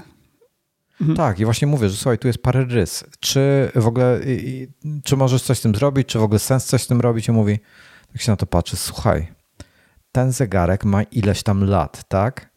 Ten zegarek ma jakąś historię do opowiedzenia. Tego się nie zmienia, tego się nie poleruje. Zostaw to tak, jak jest. W ogóle wiesz, nie ma sensu tego zmieniać. No okej, okay, dobra, zostawiamy. I wiesz, i on ma swoje jakieś rysy i tak dalej. Ja wiem, kiedy te rysy powstały i tak dalej. I wiesz, to, to, to jest fajne, także to mi się podoba. I oni tak samo, Japończycy tak samo do tatuaży podchodzą. E, mówił, że. A to nawet dotyczy ja koloru? Po, po 30 latach? E, kolor trochę będzie, trochę wyblaknie. No, całość wyblaknie, po prostu już nie będzie taka wyraźna. Ale czy, na, Natomiast, ale czy nawet tego koloru nie poprawiają po długim czasie? Wiesz co, możesz sobie poprawić kolor. On ci, wiesz, jak chcesz, żeby on ci poprawił kolor. Japończycy, ci typu tacy Japończycy, Japończycy tradycyjni, oni nie poprawiają tatuaży. Oni je zostawiają. Już jak skończą go, to już jest, to już jest, zakończyli podróż e, i, i, i nie poprawiają go. Nawet jeżeli sobie uszkodzą, na przykład będą mieli jakąś ranę czy coś, E, tam się zrobi blizna w ten sposób, e, że, coś tam zniszczy, to oni tego nie, nie, nie poprawią. Być może są jakieś wyjątki, ktoś tam coś zmienia. E, jeśli chodzi ogólnie o sam projekt tatuaża, tak jak mówiłem, on mówi, że dopóki wiesz, różnica w twojej wadze nie zmieni się typu o 40 kg, czy coś takiego, czy jakaś inna absurdalna wartość, to nie powinno być jakichś problemów z jego kształtem też specjalne, więc więc nie ma, nie ma strachu. E, nie należy się tym przejmować. Także oni nie podchodzą do tego. To, to, to, to nie ma być coś perfekcyjnego, idealnego. To, ma być, to, to, to, jest, to jest część ciebie, ty, jest, ty stajesz się płótnem dla, dla jakiegoś większego tworu i, i tyle. Od siebie tylko powiem, że na początku myślałem, że na ludzkim ciele można wiele narysować, e, wytatuować, ale, ale nie, nie jest to wiele, wiesz. Ja już bym chciał mieć pięć ciał, żeby pięć różnych designów zrobić. No podobno no, ale tak zaczyna, tak... że w ogóle Ta. ktoś idzie zrobić jeden tatuaż, a kończy się z połową, z połową ciała. Ja, ja miałem tak, że wiesz, ja, ja już od ponad 20 lat e, szukałem tego, co chciałem zrobić e, i nie znalazłem nigdy, z, tam długa historia, nie będę o tym teraz opowiadał. Natomiast od 20 któregoś roku życia czekałem na to, żeby zrobić sobie pełnego sleeve'a, natomiast nigdy mi się nie podobały nigdy nie widziałem niczego, co mi się podobało. Dopiero jak zobaczyłem um, i te właśnie japońskie prace, jak konkretnie zobaczyłem jego pracę, to, to zainteresowałem się mocniej tematem. Bo wcześniej mi się po prostu nie podobał ten, ten e, żaden inny styl. E, jest jeszcze jeden styl tatuaży, który mi się podoba. Niestety oni nie robią. W japońskim mi się podoba ta ciągłość, tak? To, że masz e, że, że to ma większe, głębsze znaczenie. To nie jest tylko tatuaż, to, to ma jakieś tam głębsze znaczenie właśnie. E, reprezentuje jakąś historię, każdy tatuaż jakiś tam albo kilka historii, albo jakiś mit, czy legendy, czy coś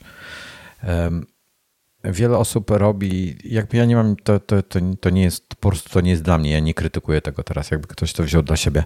Wiele osób robi, zresztą mój kolega tak, tak, tak ma, że jedzie, za każdym razem jak gdzieś jedzie, jak do jakiegoś nowego miejsca, nowego miasta, nowego państwa, robi sobie tatuaż. Niewielki.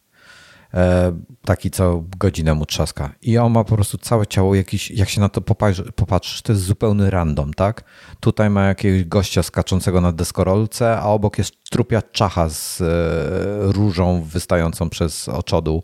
I wiesz, jakieś tego typu rzeczy. Kompletny random dla wszystkich. Poza nim, tak? Dla niego to ma jakieś tam znaczenie, bo wie, gdzie był, gdzie podróżował i tak dalej. To jest dla niego istotne. Więc jakby ja tego nie oceniam, od razu mówię. Natomiast nie jest to coś, co jest dla mnie. Ja, ja potrzebowałem, ja szukałem czegoś innego. Jak wielokrotnie jak patrzyłem na Steve'y e, u innych, to nie rozumiałem. Po pierwsze, nie podoba mi się religia E, jakieś e, krzyże, wiesz, no ogólnie symbole jakiekolwiek religijne nie podobają mi się na tatuażach i i, i nie, nie, po prostu te rękawy, które, które większość ludzi ma, nie podobają mi się jako tak, jako, jako element spójny, jako historia. To coś w tym mi zawsze brakowało. Dlatego nigdy się nie zdecydowałem na to. I w sumie dopiero, dopiero teraz niedawno mm, w końcu się skusiłem. No i co, przygotowanie do tego, tam wiem, ten z pół roku takie dobre, żeby się umówić na termin, wymyślić wszystko i tak dalej, i tak dalej. Także to nie jest też takie hop -siup. No. Mm, trzeba mieć cierpliwość, której ja nie mam. do niestety. opisu portfolio tego autora, tego tatuażysty. Dobra, to. To rzucę. Dobra, co? Path tracing? Chcesz poruszać? Czy, czy w ogóle... Dobra, jeszcze ostatni raz. E, jakieś pytania? Czy ty masz jakieś pytanie? Aha. I, czy, czy ja mam? Ja myślałem, że czat pytasz. Yy, nie, ja już więcej nie mam pytań. Yy, na czacie jest pytanie o ID artysty. Co to jest ID artysty? Tutaj w ogóle jest jego... No tutaj chyba po prostu imię, nazwisko. E, wrzuciłem jego... E, on, on ma... E, on jest Hori Kitsune. To jest pan Alex Reinke. I on zaczął karierę w 95 roku. Mm, bla, bla, bla. Tutaj, tam jest, jest gdzieś jego historia opisana cała. Mm, I on niestety nie dokończył, znaczy on tam, to nie było tak, że on jakimś miał tym, z tym, ze swoim masterem, e, musiał jakby przerwać, po tych 23 latach przerwał u niego praktyki, w sensie przestał u niego tego ze względów rodzinnych jakiś miał tam tego. Natomiast e, jak z nim rozmawiałem, to oni się tam e, przyjaźnią cały czas. To nie jest to, że oni się gdzieś pokłócili, tak, bo tak z, z, jego strony może wynikać, że oni się pokłócili czy coś po tych, po tych ponad dwóch dekadach nauki, ale nie, nie pokłócili się. I tam na jego stronie jest większość rzeczy opisana. A Horiyoshi chyba dalej, dalej tatuuje. On ma ponad 70 lat w tej chwili. Z tego co wiem, to dalej tatuuje. Rzadko, bo rzadko chyba, ale tatuuje. Więc w zasadzie tyle. No. Nie, nie, nic więcej. Aha, jeszcze podpowiem, że ten e, tradycyjny e, sztuka e, tego tatuażu to jest irezumi, co oznacza dokładnie, mm, już sprawdzę, bo nie, nie chcę przekłamać. Oznacza po prostu tatuaż. Okej. Okay. A nie, przepraszam, oznacza dokładnie inserting ink, czyli nakłamałem e, z Tebori, e, czyli to, to jest wkładanie atramentu. E, a nie, i rozumie, Tebori to. Nie, przepraszam, sekunda. Muszę znaleźć dokładne znaczenie Tebori w takim razie. To i rezumi znaczyło wkładanie atramentu, a Tebori. Tebori znaczy carve. Jak jest carve po polsku? Czekaj, look up carve. Translate. Jak się translate robiło?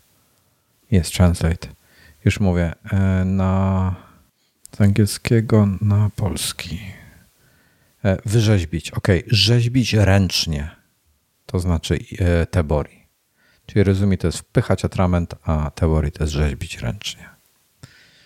Zostawię, zostawię linka do, do gościa pod tym. Ogólnie bardzo go polecam, jak chcecie um, u niego coś robić, to polecam. Dobra, dopisane do, do tego. Będzie, będzie w spisie treści. Um, Okej, okay, to tyle. E, tyle jeśli chodzi o temat e, tatuażu. Mm, co dalej? Proszę pana, co jeszcze, o czym jeszcze chcesz pogadać? No to Cyberpunk. Dobra. Jeden z największych update'ów wyszedł ostatnio. To znaczy, może nie jeden z największych, bo mm, jeden z największych to był ten poprzedni dużo, ale największy graficzny update. Mówimy tutaj o wersji PC-owej, która, o której jest bardzo głośno ostatnio, czyli mm, nowa łatka daje nam path tracing, czyli śledzenie ścieżek. Nie śledzenie promieni, tylko śledzenie ścieżek. Ale tak naprawdę path tracing to jest też ray tracing, tylko taki trochę inny. I o co chodzi? Y, grafika teraz w Cyberpunku jest jeszcze lepsza, jeszcze bardziej realistycznie wygląda. Mm, przy czym dużo newsów jest takich, że to dlatego, że jest ten path tracing.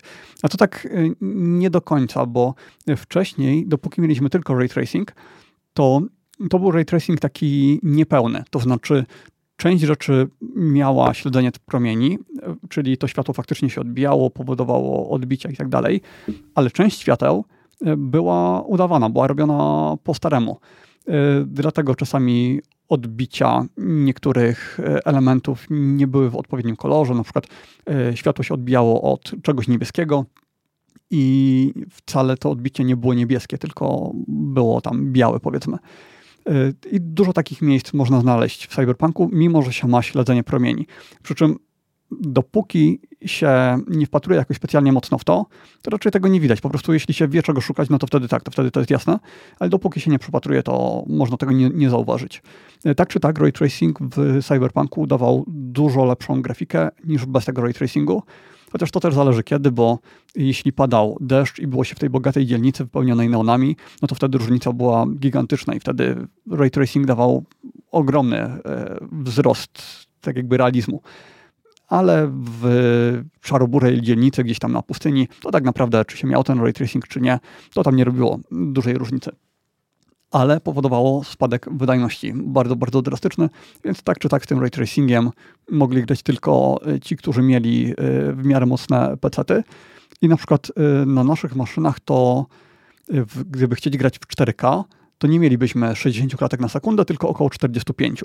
A jeśli chcielibyśmy mieć, i to z DLSS-em, tym w trybie balanced, a gdybyśmy chcieli mieć 60 klatek, no to jednak trzeba byłoby ustawić DLSS na maksymalną wydajność, tryb performance, mm, no albo obniżyć rozdzielczość. Y, no i teraz przed ten path tracing, mm, który jeszcze bardziej jest zabójczy dla e, wydajności. Y, przy czym to nie do końca dlatego, że śledzimy teraz y, promienie światła zamiast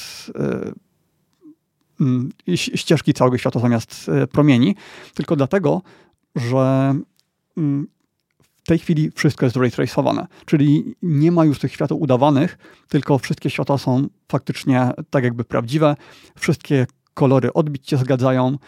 I y, z tego powodu też po pierwsze ta wydajność właśnie dlatego y, w dużej mierze jest słabsza. I mm, dlatego też grafika wygląda jeszcze bardziej realistycznie. Y, wygląda tak trochę bardziej HDR-owo. To znaczy, nawet jeśli nie mamy monitora HDR, nawet jeśli oglądamy gdzieś nagrania na YouTube, które są w SDR-ze, ja oglądałem nagrania na YouTube, ale też grałem w, w różnych trybach. W tym nowym trybie te, też grałem. Mm, no to nawet oglądając takie nagrania na YouTube, ma się wrażenie, że ta scena, na którą patrzymy, jest o większej rozpiętości tonalnej, czyli wszelkie odbicia światła, y, słońce wpadające gdzieś do pomieszczenia, ono daje oświetlenie takie, które miejscami potrafi być bardzo, bardzo jasne, nawet niemal wypalone. Trochę tak, jakbyśmy zrobili zdjęcie aparatem takim bez HDR-u, tylko y, no, taką zwykłą małpką, zwykłą lustrzanką, nie sklejając kilku zdjęć y, ze sobą i nie obrabiając ich bardzo mocno. Więc z jednej strony wygląda to dużo bardziej realistycznie, ale ja mam wrażenie, że mm, jak się kręci filmy i jak się robi zdjęcia, to bardzo często dąży się do tego przeciwnego efektu, żeby właśnie nie oddawać rzeczywistości w 100%, tylko żeby tą rozpiętość tonalną, żeby tak jakby odzyskać szczegóły ze świata, żeby ich tam było więcej, żeby ta scena była taka trochę bardziej HDR-owa, nawet na ekranach bez HDR-u. Ja ci powiem, że jeszcze nie widziałem nigdzie, nieważne na jakim monitorze i tak dalej, nie widziałem jeszcze nigdzie HDR-u, który wyglądałby jak ten HDR, który nam nasze własne oko daje. Je, jeszcze nie, nie widziałem ekranu chyba, bo mm. e, to ci powiem, Wiesz, jak, nawet jakby, nic sobie się zbliżało. musiało być. No i tak, tak, kiedyś czytałem o tym, daleko. nie pamiętam, tak, nie pamiętam jakie to było wartości, ale to jakaś kolosal, kolosalna, e, no, kiedyś to pewnie będzie, no ale jeszcze długa droga do tego. Mhm. No, generalnie wszystko zależy też od oświetlenia, które masz w okolicy, czy masz bardzo jasno, czy nie ale jeśli masz na głowie VR, czyli odcinasz całe światło z zewnątrz, to ekran 20 tysięcy nitów y, musi być, żebyś y, już później zwiększając jasność nie widział zbytnio różnicy w tym HDR-ze. Czyli jak masz 20 tysięcy nitów, to jest już ten poziom taki super. Y, przy czym soczewki też zabierają dużo światła, więc tak realnie to prawdopodobnie mniej. Y, no ale tak, y, wrażenia z tego path tracingu. W ogóle o, o co chodzi ta różnica między ray tracingiem a path tracingiem? Y, w path tracingu śledzimy promień światła w taki sposób, jakby to było prawdziwe oświetlenie. Tak jakby wyobraźmy sobie, że jest foton i on y, pada, on leci w kierunku, y, nie wiem, y, jakiejś szklanej kulki. Y, częściowo ta szklana kulka go odbija, częściowo ten promień się tam przebija gdzieś dalej i my śledzimy po kolei, co się stanie z tym promieniem dalej. Jak on się odbije od tej kulki, to gdzie on trafi, odbije się, co z nim się dalej stanie. I tak śledzimy jego drogę od początku do końca.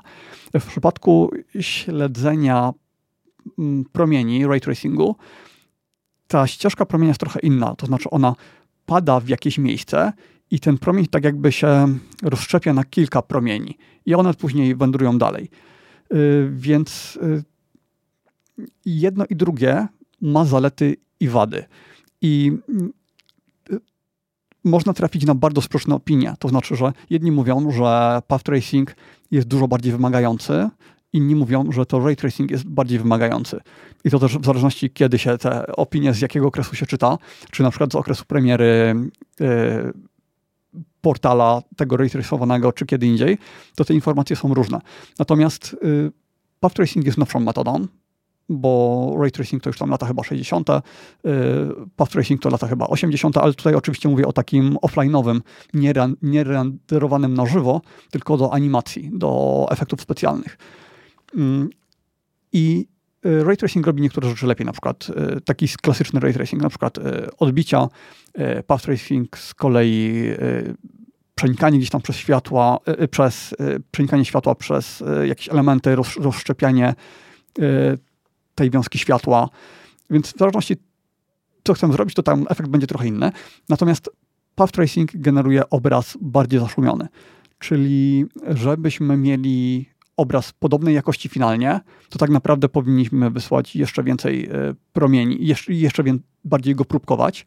I generalnie w path tracingu wysyła się bardzo, bardzo dużo promieni, a nie tak jakby jeden promień na raz. I finalnie chyba można by tak uogólnić, że jednak finalnie, żeby uzyskać e, obraz, który ma podobny poziom szumu, to ten path tracing e, do, do tego, czego oczekujemy w grach, to on będzie bardziej wymagający. Y, są też rozwiązania hybrydowe typu, znaczy rozwiązanie, jedno rozwiązanie właściwie chyba takie znane przynajmniej, to jest Lumen w Unreal Engine 5, y, ale on jest jeszcze rozwijany, zanim wszystko będzie można nim osiągnąć, tak jak w ray tracingu, w path tracingu, to jeszcze trochę czasu minie. Y, zresztą path tracing też jest w Unreal Engine nowością, tam kilka miesięcy temu został dodany, także wszystko idzie w tym kierunku, żeby tą technologię rozwijać, natomiast wymagania, no wymagania są potworne. Tak naprawdę pewnie 1% populacji y, jest w stanie odpalić tego cyberpunka, tak żeby y, w, nim, w niego grać jakoś sensownie. I u mnie to było tak, że y, miałem 60 klatek na sekundę, odpaliłem y, ten nowy tryb, on, on się nazywa w ogóle Overdrive, y, czyli ten ray tracing w trybie śledzenia e, ścieżek, to można powiedzieć path tracing, jakie... a można powiedzieć overdrive. Powiedziałeś, jakie są wymagania sprzętowe do tego? No właśnie, mm, znaczy takie ogólne wymagania to ty możesz powiedzieć, a ja zaraz powiem, jak to się przekłada na wydajność yy, zwykły ray tracing kontra ten. Dobra, generalnie ten tryb Czy overdrive e, generalnie ten tryb overdrive i ten nowy cały, cały system wymaga 3090 e, albo 4080 lub szybszej z tego co widziałem. No więc być może nawet z tym 1% mogłem przesadzić. Jest to. Oni też e, traktują to eksperymentalnie. To jest oznaczone jako tryb eksperymentalny, więc też pewnie będzie mocno ulepszony z biegiem czasu. E, no i spadek wydajności. Najpierw miałem bardzo duży, tak jakby jakiś błąd był i spadło mi z 60, jak miałem ustawienia takie, żeby z ray tracingiem mieć 60 klatek na sekundę, czyli tryb tam DLSS zbalansowany, rozdzielczość nie 4K, tylko 2560, y, y, to z 60 klatek spadło mi do chyba 17 i to był jakiś błąd.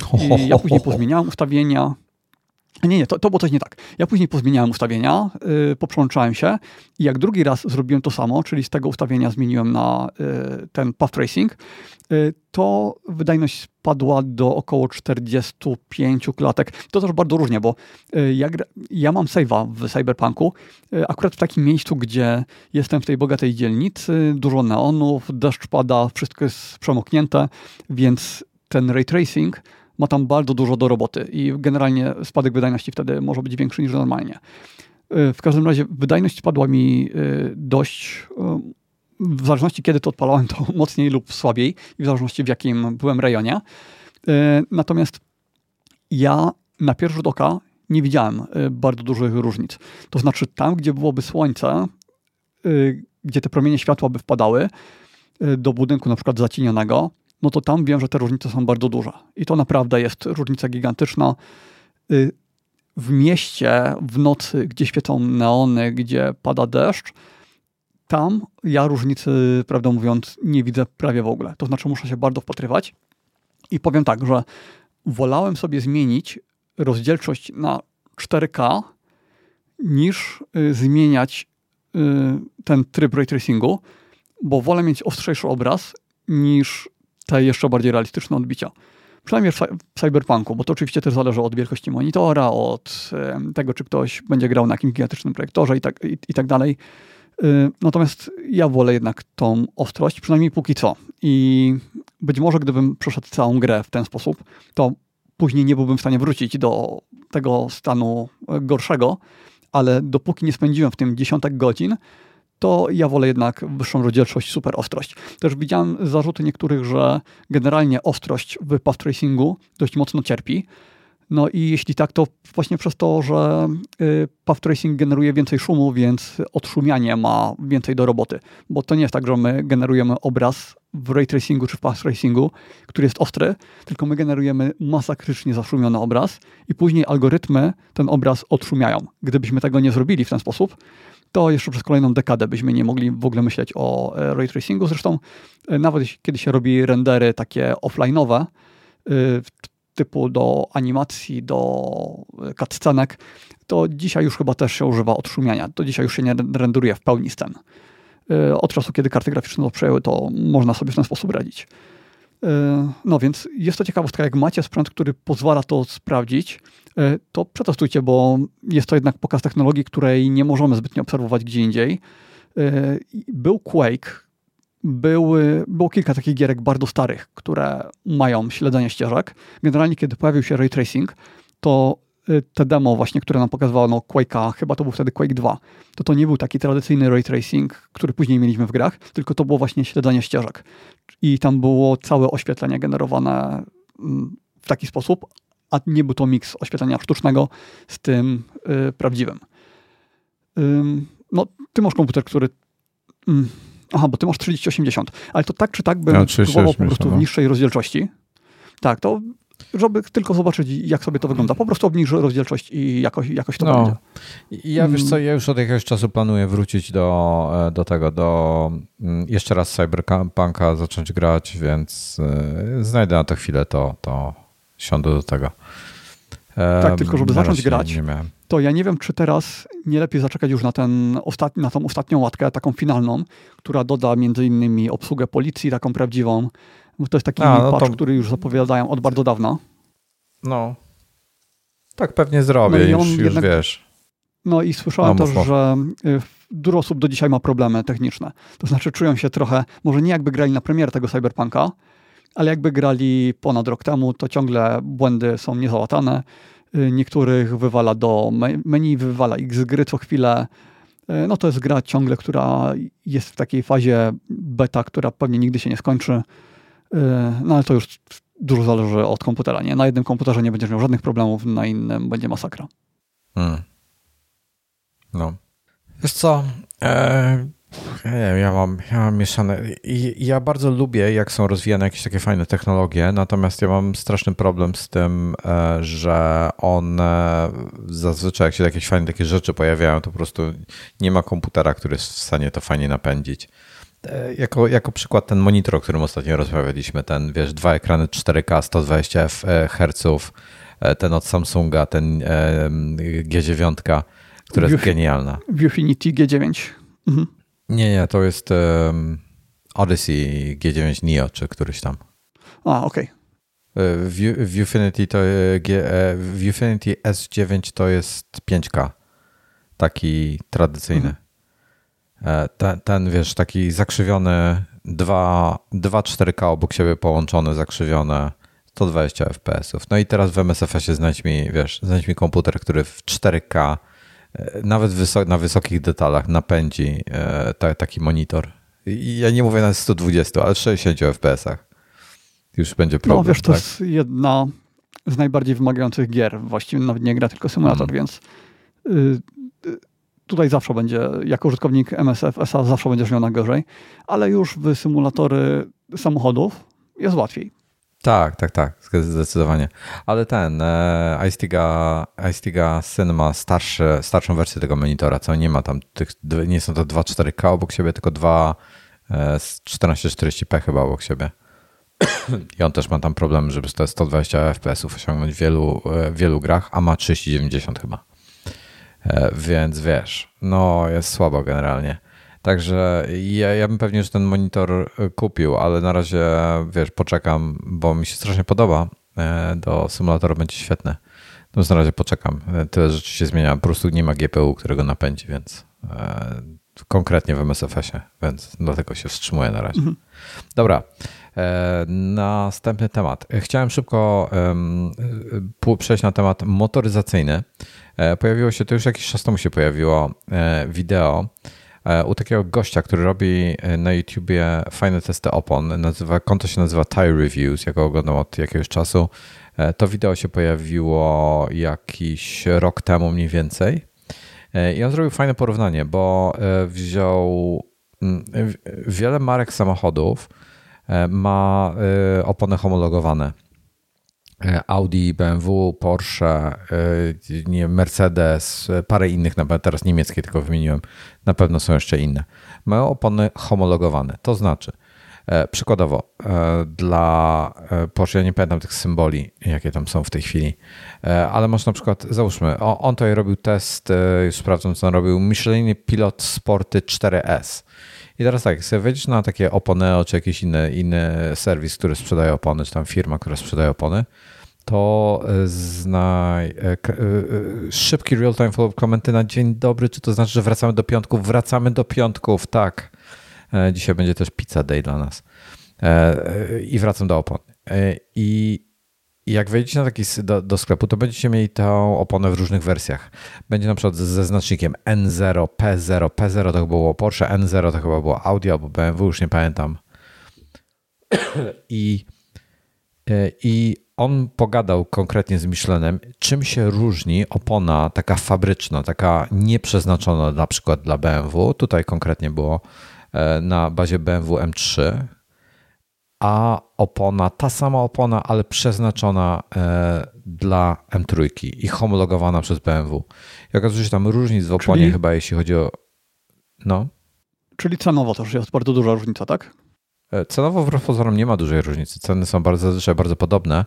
E, z tego co przynajmniej patrzyłem, może są jakieś tam wyjątki od tego. Natomiast skład mieszanki jest całkowicie inny.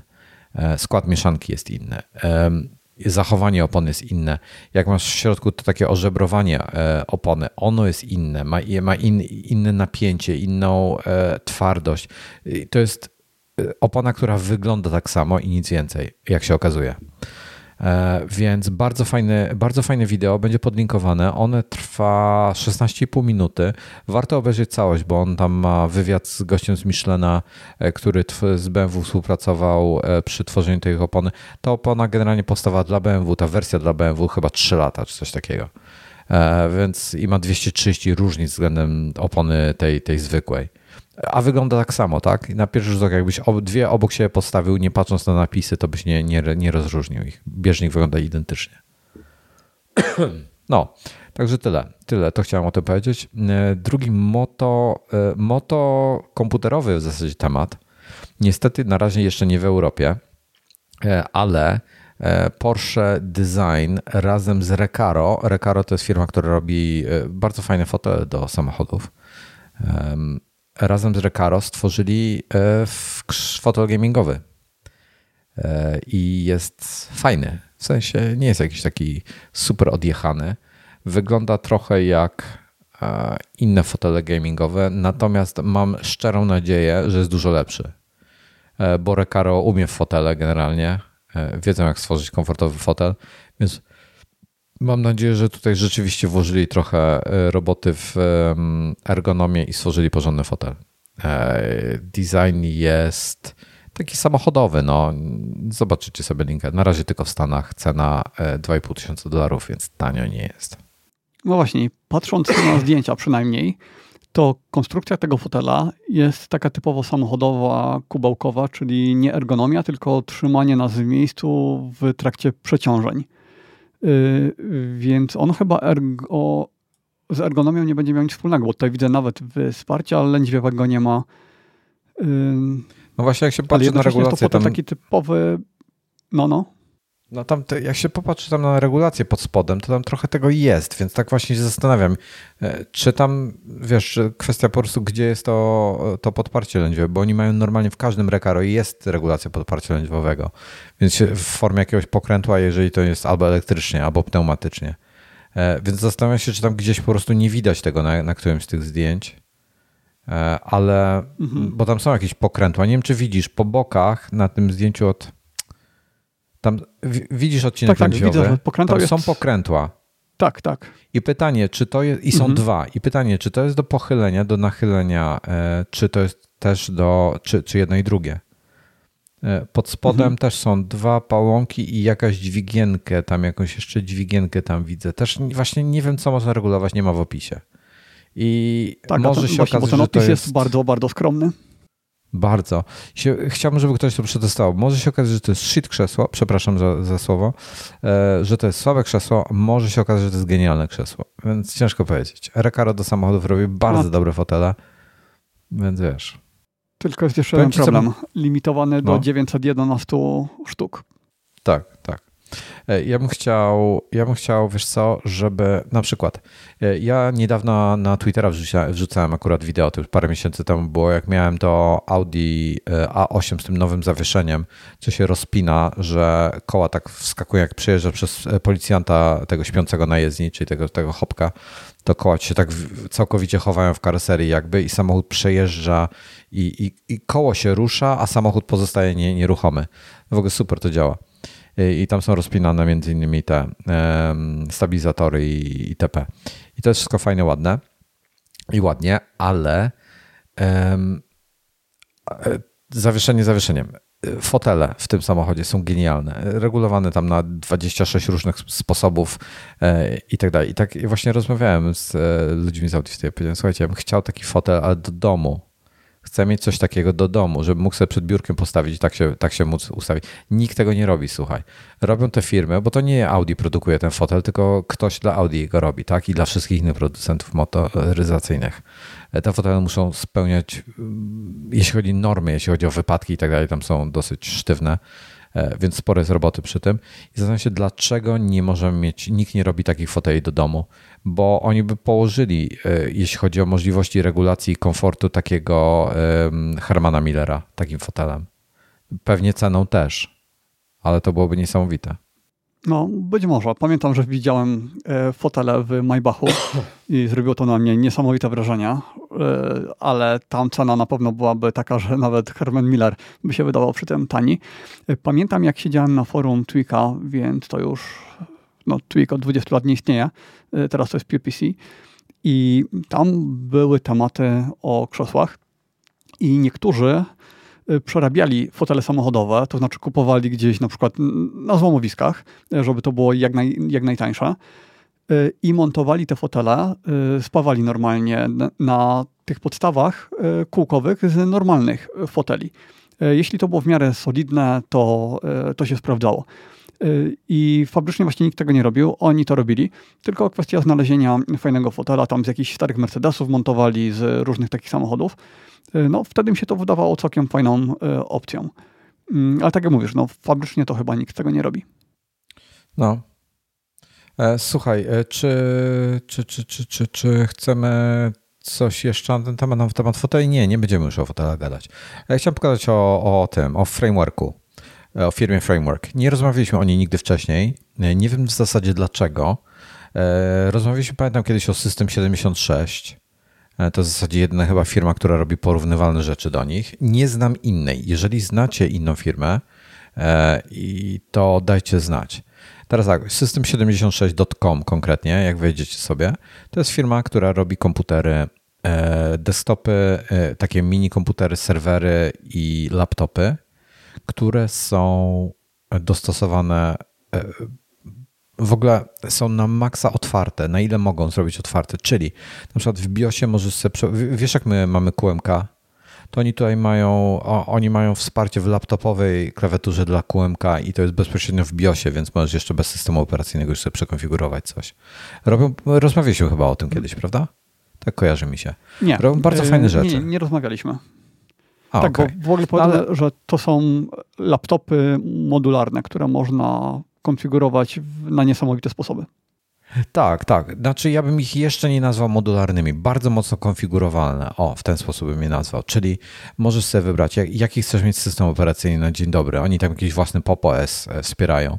E, albo Ubuntu sobie można wybrać, bo one generalnie pod Linuxa są. Można oczywiście Windowsy na tym postawić, nie ma problemu, jak ktoś chce. E, nawet chyba Hackintosze robią na system 76, nie ma problemu. E, teraz tak, wybierasz sobie jaki chcesz procesor. Masz tam jakieś e, w tej chwili są, nie wiem, czy to są, to chyba w 12 generacji w tej chwili są. Modele są różne. Ja, ja skonfiguruję jakiegoś 14-calowego w tej chwili, który się nazywa u nich Galago Pro czyli coś takiego odpowiednik MacBooka Pro. RAM od 8 do 64 giga. Napęd, napęd systemowy od 240 do 4 tera. E, klawiaturę wybierasz sobie, jaką chcesz, jakie ma mieć przełączniki nawet e, i jaki ma mieć, e, a tu zewnętrzny ekran i tak dalej. Generalnie bardzo mocno można go skonfigurować i różne modele mają różne poziomy konfiguracji. Na przykład Galago Pro ma mniejsze możliwości konfiguracji niż Lemur Pro, które oba są 14 cali. I mają różne tam specyfikacje. Tych, tych monitorów, samych laptopów mają tam chyba mają 6 różnych modeli. E, zależnie od potrzeb sobie można, można dostosować to, co Wam bardziej odpowiada. Ale jest firma Framework, o której nigdy nie rozmawialiśmy, która robi jeszcze fajniejsze rzeczy. E, ma, ma jednego laptopa w tej chwili e, i zaraz będzie drugi. 13 i 16 calowe. I to jest dopiero czat, bo ona jest, ma modularne wnętrze, czyli płytę główną, na przykład załóżmy, że rok temu sobie kupiliście frameworka 13-calowego e, z Intelem 12 generacji. Dzisiaj możecie sobie dokupić nowy, e, nową kartę z procesorem, wyjmujecie starą, wkładacie nową, macie albo Intela 13 generacji, albo macie AMD, bo w tej chwili doszła też e, karta z AMD i co tam jeszcze można do tego zrobić? RAM możecie przenieść lub wymienić. Są jeszcze jakieś dodatkowe adaptery. Y, SSD-ki można przenosić albo wkładać nowe. No w ogóle kosmos totalny, Wojtek, tak? To, to wszystko jest nic. To, to, co mnie rozwaliło, jeśli mówimy o tym samym, bo to jest firma, w którą zainwestował e, Linus z TechTips, e, to jeśli mówimy o tym samym, to tam magnetycznie przyczepiana jest klawiatura i tą klawiaturę na przykład można przesunąć bardziej w lewą stronę i z prawej strony doczepić sobie e, klawiaturę numeryczną. Można to zamienić miejscami. Można tę klawiaturę dać na środek i po bokach coś jeszcze innego e, magnetycznie przyczepić. A to mówisz o, można, o 16 jeśli... w tej chwili, tak? W 14 o, o takiej możliwości nie ma. A to ja nie wiem, wiesz co, to ja nie wiem, czy to jest tak, to tak. na pewno. Albo na przykład wyciągnąć y, HDMI i port, którego nie używamy, bo potrzebujemy na przykład DisplayPort. To wyciągamy ten HDMI, wkładamy DisplayPort i mamy. Albo chcemy mieć 6 y, portów jack. To jest taka opcja, bo na przykład, y, nie wiem, jest się muzykiem i trzeba wpiąć tam mnóstwo urządzeń. No jest to coś, czego, co nie ma chyba żadnej konkurencji, bo nawet to, o czym mówiłeś wcześniej, to jednak jest dużo niższy poziom. E, ten system 76. No wiesz, system 76 jest fajny przez, przez to, że e, on jest, oni tam, to jest, wiesz, no, tak, takie geeki dla geeków tworzą komputery po prostu. Nie ma tam żadnych, e, są fajne funkcje, których normalnie ci brakuje w zwykłym laptopie. Właśnie jak takiej QMK w klawiaturze, taka głupota, tak? Ale to jest super sprawa super, i że tak. to możesz z poziomu BIOSu sobie programować. Te nie mają QMK niestety, ale mają wymienne klawiatury. Oj, tak, nie widzę gdyby, numerycznej. Gdyby, gdyby MacBook miał taką funkcję, to bo w tej chwili nie, nie możesz kupować klawiatur, które mają bardzo dziwne układy, na przykład e, splitów nie chcesz i tak dalej, e, e, układów 40% i tak dalej, no bo później korzystałbyś z MacBooka i byś się mylił, bo byś miał inny układ. Na tym laptopie to nie jest problem, bo możesz sobie zrobić dokładnie tak samo klawiaturę 40% w laptopie, ale, jak No, ale nie ma ortolinarnej. No nie ma ortolinarnej, więc tak jeszcze Aha, wiesz. to jest różnica, ale skoro to jest takie modularne, to być może producenci, jakieś firmy trzecie będą miały możliwość zrobienia tego. No słuchaj, w każdym razie to jest tak, potrzebujesz Ethernet i, i, właśnie na przykład masz te porty. Wszystkie porty, które są z boku, otwierasz, zdejmujesz klawiaturę, port się wyjmuje, bo on jest po prostu w, na, na złączu, port się wyjmuje i wkłada się inny port. To jest w ogóle kosmos. Potrzebujesz, y, y, wylistuję wam jakie są porty. Jedna terabajtowy expansion card, czyli to jest zakładam, że jest jakiś odpowiednik microSD albo jakiejś tam pamięci flash. Y, jest 1 tera 250, potem jest tak, port USB-C, DisplayPort, Ethernet, HDMI, microSD, USB-A, e, audio, mini jack konkretnie i można też sobie kupić zestaw czterech. Już takie bzdury. I one są po tam po 9 do 40, od 9 do 400 dolarów takie, taki port kosztuje. Przepraszam, jedna terówka kosztuje 150. E, super sprawa w ogóle, no kosmos. Jeśli chodzi o płyty główne, e, masz dwie z Intelami 13 generacji, jedno z AMD, dwie z AMD różne. Nie, jeszcze jakiś zestaw tu jest. Ok, tu jakieś zestawy są. E, w ogóle no, super, super sprawa. Pierwszy taki laptop, ja który możesz naprawdę sensownie update'ować i uaktualniać sobie nowy hardware. Ja w międzyczasie potwierdziłem, że to, o czym myślałem, to faktycznie jest framework. Y, I Linus nagrał filmik kilkunastominutowy, bo on kiedyś zainwestował w tą firmę i wtedy nagrał wideo no i później po 18 miesiącach dograł kolejna, jak to wszystko się rozwinęło i pokazuje właśnie zarówno wersję 13-calową, jak i 16-calową. No i faktycznie w tej 16-calowej jest więcej miejsca. E, podrzuciłem Ci linka w wiadomościach, więc wrzucimy go też jako link właśnie. do odcinka. E, wrzuć go proszę, tytuł i osobno link do opisu, proszę, do okay. notatek. Ale tam jest tytuł jest I made a bad decision. Podjąłem e, złą decyzję. Coś zdradzisz? Tak, co, dlatego... Co za złą decyzję? Okej, okay, to, to spoiler jest taki, że po prostu nie zainwestował więcej kasy w to. To, to była okay, ta zła decyzja. Słuchaj, powiem ci, że jestem, e, jestem szczerze zainteresowany tym, e, tym komputerem i jeśli, znaczy wiesz, bo to było pytanie, powiem ci tak, na razie software Apple i tak dalej, ich kierunek na razie mi odpowiada, ale co się stanie, jeśli, jeśli Apple stanie się takim Twitterem na przykład, tak? Jeśli taka osoba jak Elon Musk będzie będzie prowadziła firmę e, zamiast Tima Cooka. Albo coś innego, tak? Mhm. No, no generalnie gigantyczna korporacja. Apple jest tych gigantycznym korpo, już nie jest tym startupem, do którego jesteśmy przyzwyczajeni, czy byliśmy. E, od, od dawna nie jest. I co, I co by było właśnie? I powiem Ci, że już jestem, już zacząłem być spokojny, bo spokojnie przesiądę, ok, będę miał problem z narzędziami, nie będzie tak szybkie. Dobra, no trudno. E, ale myślę, że spokojnie takiego frameworka bym sobie mógł kupić, bo ja też nie, nie chcę iść w Windowsa, tak? Nie, to, to, to wiem, nie, nie chcę się przesiadać mhm. na Windowsa. E, być może dual bootujący się laptop, żebym mógł mieć oba. Fajna opcja. E, ale wiesz, o jakby PC-ta się nie martwię, stacjonarny sobie mogę zmontować cokolwiek. Nawet mo mogę zbuta, wiesz, żeby mieć do grania i do pracy rozdzielone, to mogę sobie zrobić drugi dysk po prostu jakiś z Linuxem i, i się budować e, na niego. To nie jest problem. No i tutaj mamy ten, mamy ten framework. Strasznie mi się podoba ten framework w tej chwili, przez to, że, że tego, bo ja wiesz, ja pamiętam ich, jak oni się pojawiali, jak było chyba jeszcze 11 generacji mieli te procesory. Ja nie wierzyłem w ogóle, że, że to, to przetrwa, tak? Ja nie wierzyłem, że oni dożyją, że te karty się mm. będą pojawiały, że to będzie można wymieniać. Ale rzeczywiście można. I to wiesz, to nie jest największy, naj, najnowszy, najlepszy ekran, najlepsza technologia całości i tak dalej, ale jest to porządny sprzęt. Tani nie jest, e, ale jest to porządny sprzęt, e, który ma jakieś tam e, specyficzne cechy. To między tym a System 76 to jestem już taki w miarę spokojny o to, że, że jakąś tam przyszłość w razie czego będę miał. Ok, na razie wiesz, MacBooka nie planuję zmieniać. Natomiast mm, fajnie mieć jakiś backup tam z tyłu głowy chociaż. Także to jest plus. E, dobra. E, jeszcze tak, dwa, dwa, dwie krótkie rzeczy, e, o czym się dowiedziałem e, niedawno, o czym nie wiedziałem. to się dowiedziałem jakiś czas temu, e, od e, aplikacja, którą nagrywamy, którą od zawsze nagrywamy, czy jak nagrywam, ty nie wiem, czy z czego nagrywałeś wcześniej, chyba nie zawsze tym. Ja od zawsze korzystam z audio Hijacka, od nie, ponad dekady już chyba korzystam z Audio Hijacka. Ostatnio się dowiedziałem od Paula Kafasisa z Rogomiba, to po, powinniście znać tą postać to Paul Kafasis napisał, że dowiedział się niedawno, bo jak była cała walka z Napsterem e, tego RIA, jaki był skrót? Co, co znaczyło RIA dokładnie? Nie wiem. To jest Recording Industry Association of America, czyli taki nasz um, e, polski, a jak oni się nazywają? Ci, co, co biorą pieniądze w imieniu artystów. Um, Polska RIA. No właśnie, wyleciała mi nazwa. Ach, kurde, nie wierzę, że mi wyleciała nazwa z głowy.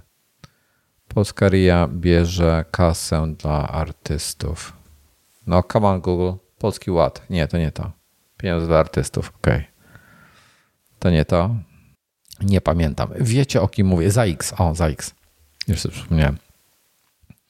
E, amerykański ZAX generalnie był okres, że kosił wszystkich za wszystko. E, nawet próbowali zabanować tworzenie hardware'owych e, MP3 playerów swojego czasu.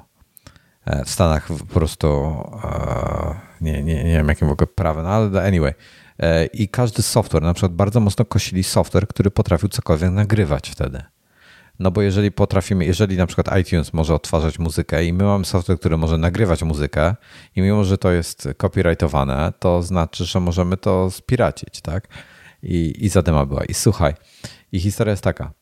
E, e w, oni w. Tutaj było, czekaj, próbuję znaleźć ten fragment, w którym, kiedy to było.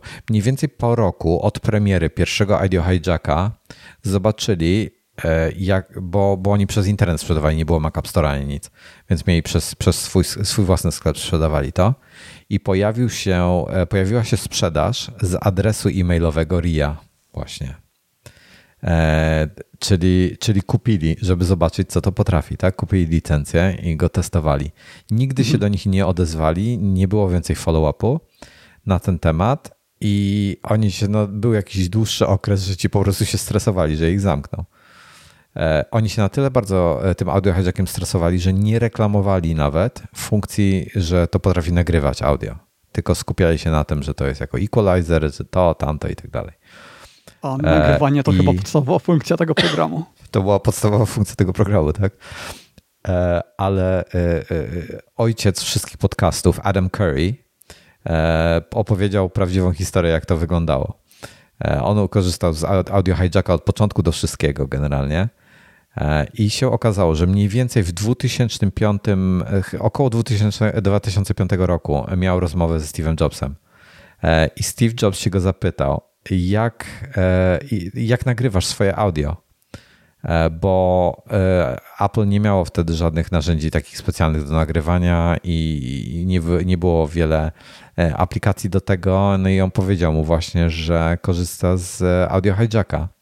Eddie Q powiedział, że RIA chce, żebyśmy e, zablokowali Audio Hijacka Pro, bo dzięki temu możesz nagrywać jakąkolwiek muzykę czy piosenkę ze swojego Maca, cokolwiek chcesz. Steve się, e, e, Steve się odwrócił do mnie, czyli do tego Adama Curry, odwrócił do mnie, czy potrzebujesz tej aplikacji, żeby nagrywać podcasty? Adam odpowiedział, że tak. Więc Steve Jobs odwrócił się do Ediego Q i powiedział mu, powiedz im, że mają spadać na drzewo. Koniec. I dzięki temu do dzisiaj, czyli dzięki, dzięki Steve'owi tak naprawdę i Adamowi mamy dzisiaj tą aplikację. Bo gdyby ich wtedy zabili, nie byłoby. A nie ma niczego porównywalnego na rynku. Także kosmos No tak, totalny. bo w, jeśli ktoś nie kojarzy, to w Audio Hijacku to nie jest tak, że po prostu się klika przycisk nagrywaj i to wszystko, tylko to nagrywanie może być z mikrofonu, może przechwytywać dźwięk z komputera, z przeglądarki, yy, może robić aplikacji. 10 nagrywań. Tak, może, może robić 10 możesz... nagrywań jednocześnie, nagrywać to do osobnych plików, do jednego, tak, wszystko da się skonfigurować. Tak. To jest niesamowite, to jest niesamowicie power narzędzie. Jeszcze Lubaka robią do tego, do kompletu. Super, super. Słuchaj, dwa zdania. Dwa zdania zdecydowały o tym, w 2005 roku zdecydowały o tym, że dzisiaj mamy w ogóle dalej audio hijacka, tak?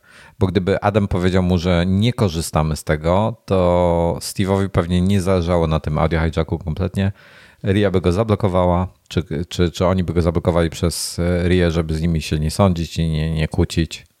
I tyle. I koniec zabawy. No, więc fajna historia, to mi się bardzo spodobało. E, I słuchaj, jeszcze jedna rzecz, bo e, na jakiś czas temu e, pisaliśmy o tej książce Make Something Wonderful. Z, z, o, z, druko, to, mm, to jest książka w wersji papierowej. Czekaj, ja tu przeczytam, co było szczegółowo. A, jest dostępna w e-booksie. Chciałem e, ten opis przeczytać wam, żebyście, żeby, żebym czegoś nie, nie nagadał bzdury jakiś. I ona jest dostępna za darmo chyba, z tego co pamiętam.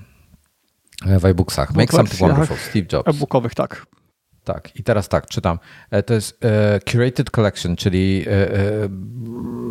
przetworzona, znaczy jakby, z, nie wiem, dalej nie wiem, selekcjonowana. polski odpowiednik. O, selekcjonowana kolekcja e, wypowiedzi e, Steve'a, jego jakichś tam wywiadów, korespondencji i tak dalej. E, I to jest jako, jako nieporównywalne, czy tam okno w jego świat, jak, jak, jak podchodził do pracy i do życia i tak dalej, i tak dalej.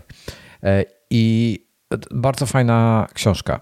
I ona jest w wersji e-bookowej dostępna za friko. Możecie sobie ją pobrać i sobie posłuchać.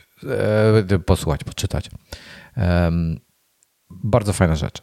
Natomiast pracownicy Apple'a dostali wersję drukowaną. Pięknie, pięknie wydana. E, I zaczęli je sprzedawać na eBayu. I powiem ci, że trochę tak w sumie nie wiem, no. Nie, nie wiem, co o tym myśleć. Trochę się załamałem tym. E, ceny są od 25 tysięcy dolarów do 1,5 tysiąca.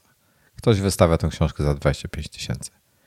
I ja całkowicie to rozumiem. To jest unikalna książka, która jest, e, e, która jest limitowana, która, wiesz, prawdopodobnie nigdy nie, nie, nie pojawi się, nie będzie do druku. E, bardzo unikalna, istotna dla wielu i może ktoś zapłaci te 25 tysięcy, ale, ale jak gdybym miał tą książkę, to mi jej po prostu nie sprzedał, no mówiąc krótko. Gdybym dostał ją jako pracownik, bym jej nie sprzedał. No, no ale też nie każdy pracownik jest jakoś tam sentymentalnie związany z firmą, więc e, dla niektórych to była po prostu kolejna robota. Dostali książkę, no to ją sprzedają. Może. Ja, ja bym nie sprzedał. No dobra, tyle jeśli chodzi, słuchaj, o, o tematy, jakie, jakie dzisiaj przygotowaliśmy. Mm, musimy w ogóle trochę pogadać znowu o tym. Musimy wrócić, jakiś zrobić odcinek specjalny o bezpieczeństwie, wiesz? E, tak sobie o tym myślałem. Tak jak zrobiliśmy ten o, o, tym, o tych Macach, musimy zrobić o iPhone'ach, o iPadach e, i o bezpieczeństwie, e, i, ale tak podejść trochę też Androida, bo, bo sporo osób jak ma Androida, to nie wie o tym. iPhone'owcy jakby częściej wiedzą, co zrobić niż Androidowcy, więc dobrze byłoby, dobrze byłoby coś na ten temat, jakiś research robić. A tam się pyta, jaka książka. Jak on się nazywa? Make Something Wonderful o Steve Jobsie.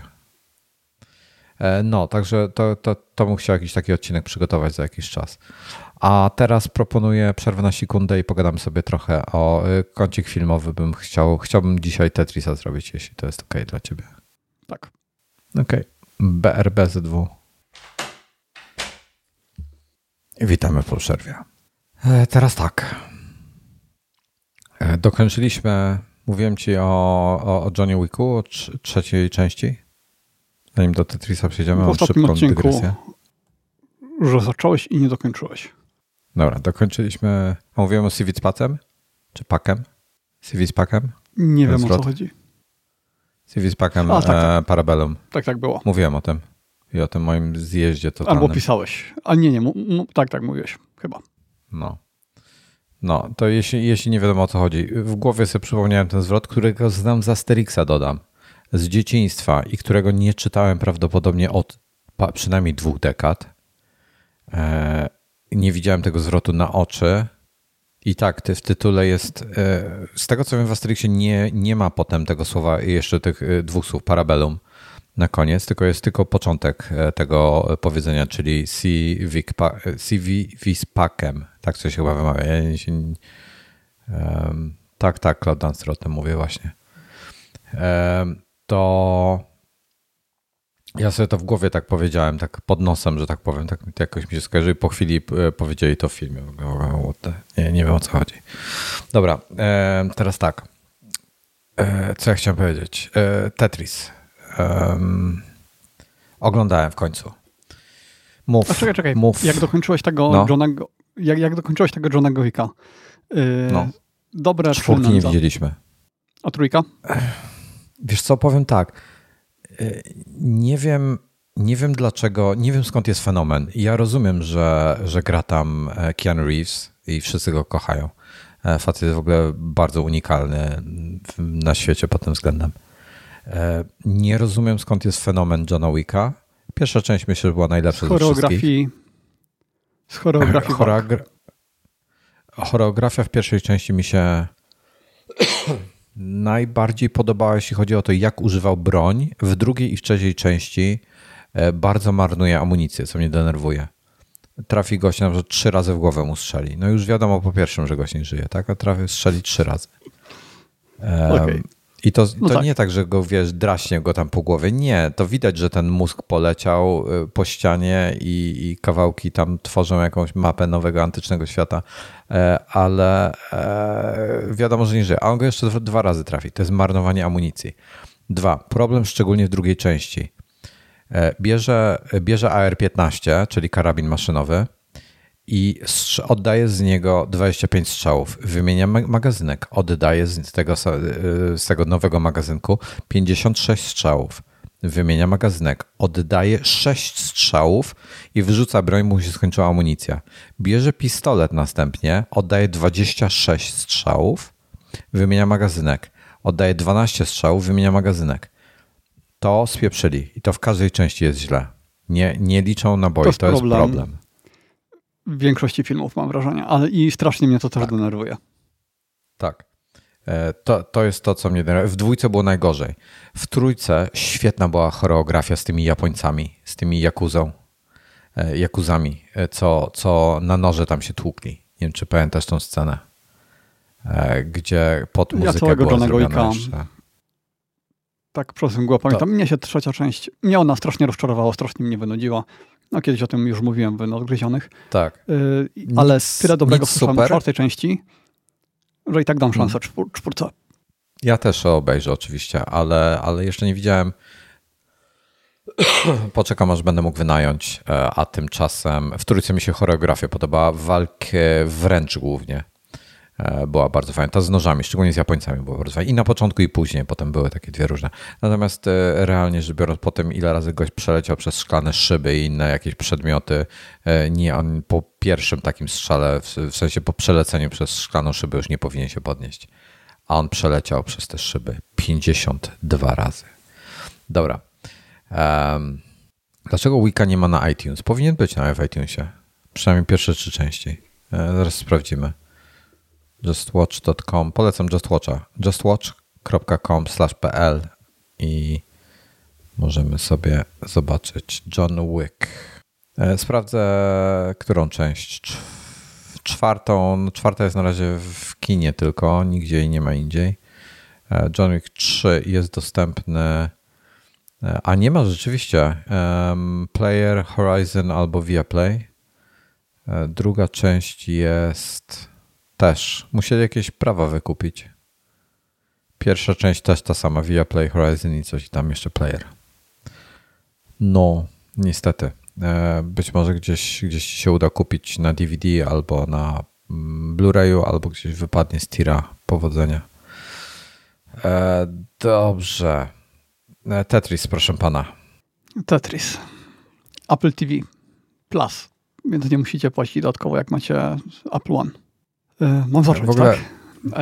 Wiesz co, nie, zanim zaczniesz, ja powiem jedno, bo Apple TV mało kto, tak jak wiesz, wśród znajomych mówię, a słuchajcie, świetny film na Apple TV się pojawił teraz.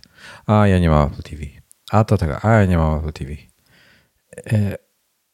to jest jeden z. O, tam nie ma dużo. Ja rozumiem. Być może większość ludzi preferuje jakieś, nie wiem, oglądanie e, telenoweli brazylijskiej na Netflixie. Nie wnikam.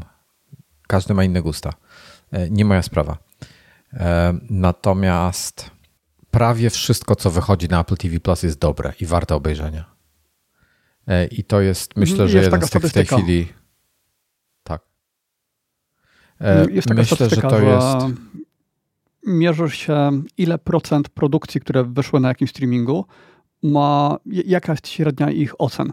I Apple TV było tam bardzo wysoko, chyba było w ogóle numerem jeden, kiedy Netflix i jak to się zmieniało na przestrzeni lat. I na przykład, że Netflix w zeszłym roku zaliczył spadek, jakiś tam inny streaming zaliczył wzrost, to Apple TV jest tam bardzo, bardzo wysoko. No, dla mnie cały czas problemem jest to, że y, co z tego, że Netflix ma średnią ocen dużo niższą, skoro ma powiedzmy tam 30 produkcji w roku, czy nie wiem, 50, które są bardzo dobre, tam powiedzmy 8 na 10, a Apple TV w sumie wszystkich produkcji razem wziętych ma, nie wiem, tam 20 rocznie. No. E, no jest różnica. Wiesz, moim zdaniem największy problem, jaki oni zrobili, oni mają gigantyczną bibliotekę tych filmów w iTunesie. Ja wiem, że to są kontrakty i tak dalej, być może nie wolno im ruszać ich, e, ale gdyby nawet oni sami wyłożyli z kieszeni każdemu, przykładowo, cztery filmy miesięcznie, tylko cztery filmy miesięcznie z iTunesa, oni ci, Apple ci płaci za to, że je sobie obejrzysz w ramach abonamentu. Przez pierwsze na przykład 5 lat. Tak, bo jest mało, mało tych, mało filmów po prostu. To by wiele osób zachęciło do tego. Bo cztery filmy to jest, wiesz, akurat typu cztery weekendy, tak? Po jednym filmie.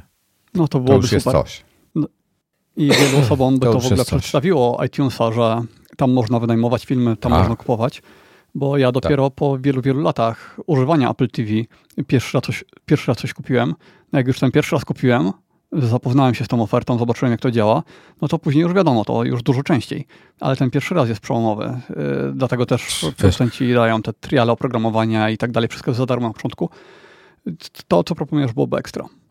E, mistrzostwem światem dla mnie w Apple TV jest to, że jak wyjdzie wersja zremasterowana na przykład 4K, a kupiłeś Full HD, to dostajesz za darmo upgrade do 4K. Mhm, tak, tak. mistrzostwo świata, tak? Dobra, Tetris. Pojawił się film, majstersztyk, świetny, realizacja genialna, nie do końca prawdziwy, w sensie nie, takie, nie tak wyglądały no. wszystkie wydarzenia. E, mhm. Wiemy już, nie, nie wiem ile mogę zdradzać, ile nie mogę zdradzać. E, wiemy, że on wiedział, że ona wiedziała, że on wie, że ona jest e, z KGB.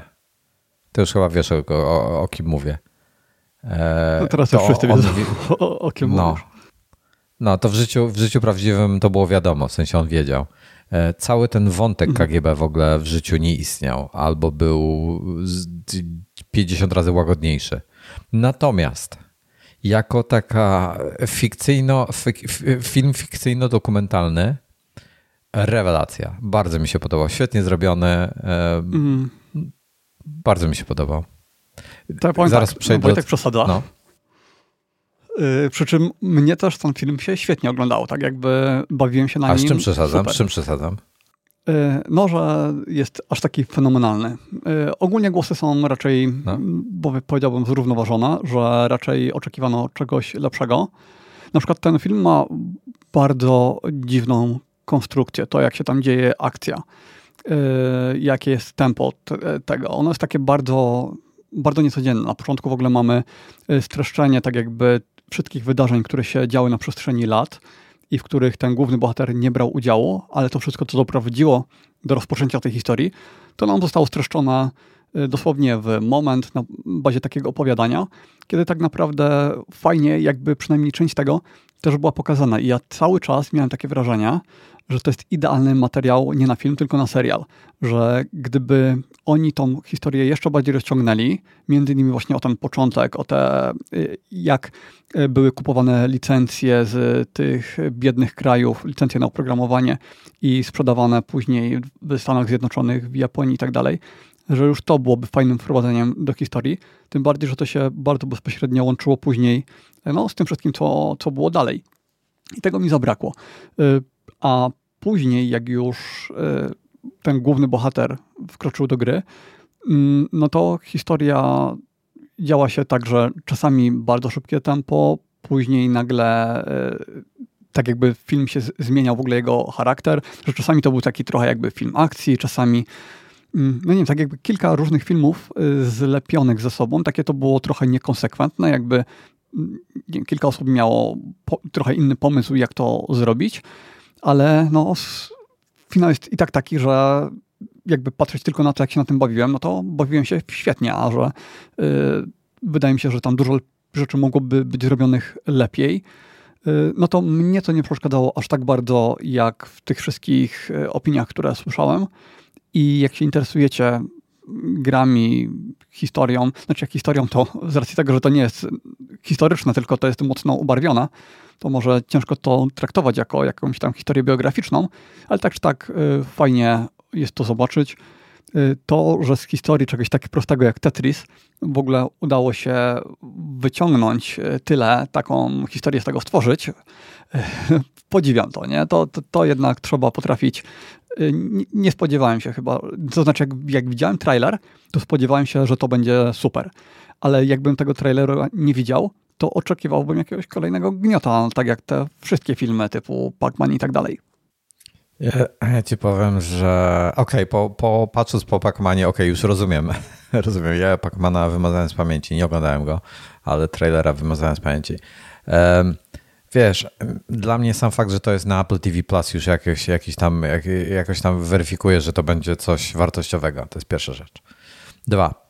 Mhm. E, film był bardzo. Ja ci powiem, dlaczego uważam, że film był bardzo dobry to jest generalnie nudna tematyka. To nie jest tematyka jak Bond, jak James Bond, który kurde najpierw tutaj w kasynie podrywa jakąś panienkę, idzie z nią do łóżka, potem wiesz, zapobiega wysadzeniu jakiejś elektrowni. No, to są dużo bardziej fascynujące wydarzenia niż to, kto kupił jakie prawa do jakiego e, produktu, tak? E, umówmy się, temat jest dosyć nudny. E, natomiast to, w jaki sposób oni przedstawili to, przez nie wiem ile ten film trwał, około dwóch godzin. E, w żadnym momencie się nie nudziłem. Nie, nie było przestojów, było cały czas napięcie. Było, napięcie było idealnie stopniowane, tak, że nie czułeś jego przesytu ani niedosytu. Było świetnie zbalansowane. To mi się bardzo podobało. Wstawki ośmiobitowe. Nie wiem, czy widziałeś. Przejścia, grafiki. Tak, tak. E, pościg, który był częściowo ośmiobitowy, zrobiony w, w formie gry. Ten samochodowy. Na, kojarzysz. To, to był majstersztyk tak, tak, się to najbardziej rzucało strasznie. W oczy. To, tak, to sam ten pomysł, żeby coś takiego zrobić jest tak. dość niezwykły.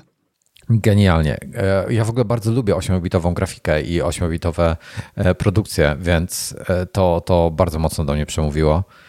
I to, to była dla mnie super rewelacja. Strasznie, strasznie warto, tak, naprawdę polecam. Napisy obejrzeć. końcowe. Czy, czy oglądałeś napisy końcowe? Tam w ogóle była też sama Nie oglądałem napisów końcowych. Co było? A, e, napisy która, końcowe która była... były takim czekaj, jakby... Czekaj, czekaj, która scena? Powiedz mi szybko. Bo może oglądałem. Yy, Dobra, po, odpalę sobie. Po napisach były takie, znaczy nie do końca scena, po napisach to y, były materiały nagrane y, prawdziwą wtedy, w tych czasach, które oni nagrywali w Rosji kamerą. I tam były te osoby, nie aktorzy, tylko faktycznie te osoby które, i co oni tam nagrali wtedy. Przynajmniej takie mam wrażenie, że tak to było zrobione. E, trochę się zdziwiłem, że mogli tam mieć kamery i nagrywać, ale wyglądało to tak, mhm. jakby to było właśnie nagranie takie, które oni zrobili podczas tej podróży, ci prawdziwi bohaterowie. I, a same napisy, to one były takie stylizowane to trochę na Tetrisa, tak e, sposób w jaki Ej, tam te klocki okay. też spadały w tle. Było to Ju, Już tłumaczę. Zrobione. E, już tłumaczę. Jak się zakoń zakończyła cała scena, już tutaj przewijam, e, to tak, to nie dość, że tam obok napisów tych końcowych te klocki spadały, tak jak właśnie. E, tak, w ogóle tak. były zdjęcia pokazujące prawdziwe, na koniec prawdziwe osoby i tak dalej. W ogóle ponad pół miliarda kopii Tetrisa sprzedano w historii. Dobra, już tak, patrzę, te klocki. Y, szacowano, że jakby się sprzedało milion, to fajnie.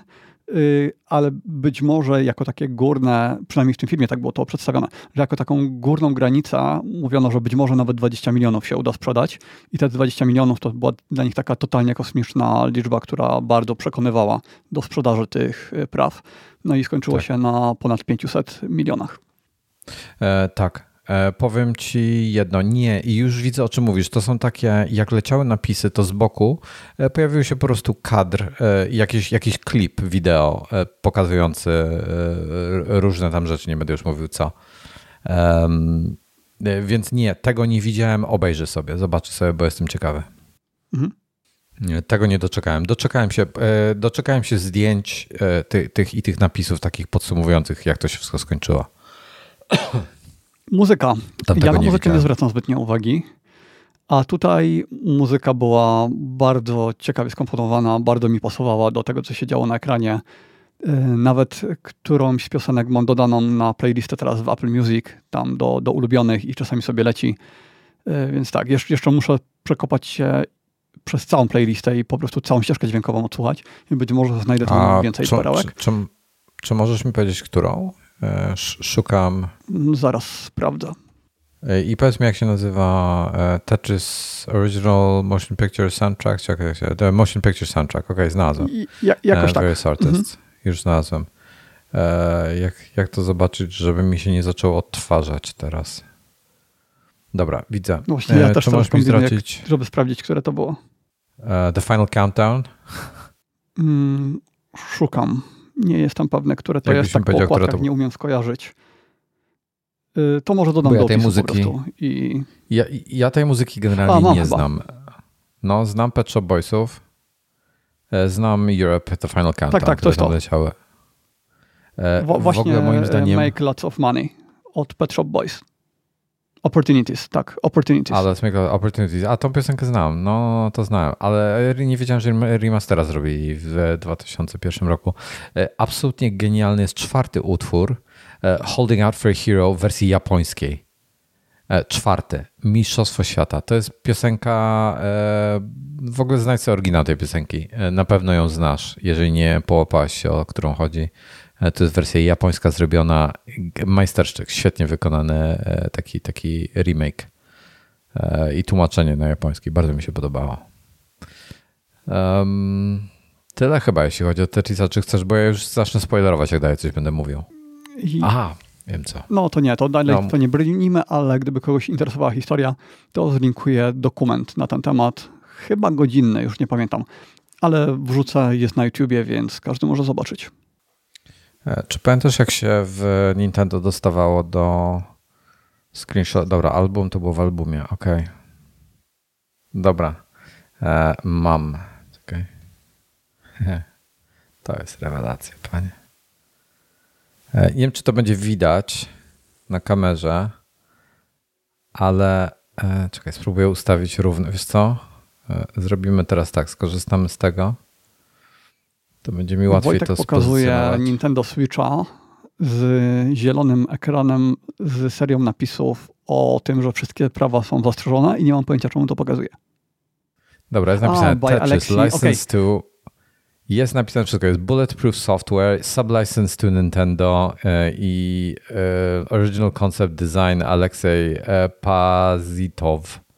Paz, Paz, tak, tak, czyli firmy i nazwiska, które znacie z historii Tetrisa albo właśnie z tego filmu, tak. to właśnie tam się przejawiają. Tak, tak, wszystko No i właśnie, się, bo ciężko tutaj... mówić coś więcej, żeby nie wejść w, w spoilery. Znaczy wiesz, ja też nie ciężko historii, trochę spoilerować. Więc dla mnie to była nowość. Ja też nie znałem pełnej, znałem trochę historii, ale nie pełną. E, myślę, że nawet jak się nie interesujecie zupełnie Tetrisem czy grami komputerowymi, to warto sobie to obejrzeć, bo to jest po prostu dobry film. Mojej żonie się, przynajmniej tak z tego, co mówiła, e, jej się bardzo podobało. E, więc spodziewam się, że ten, że, że innym też się spodoba. Świetny, świetny film, naprawdę świetny film. A gdyby ktoś nie chciał zerkać do opisu, tylko po prostu sobie szybko w YouTubie wygooglować, to The Story of Tetris Gaming Historian na kanale Gaming Historian. I to jest wideo sprzed pięciu lat, które trwa prawie dokładnie godzinę. A to już, już polecę film. No tak, tak, ale to dodatkowe jako uzupełnienie wiedzy, gdyby ktoś chciał poznać tą prawdziwą historię. No dobra. E, ja skończyłem, jeśli chodzi o, o dzisiaj.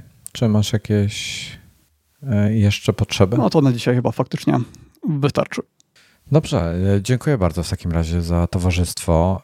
Dziękuję za słuchanie. Zapraszamy za tydzień na nagranie na żywo albo po prostu do podcast playera.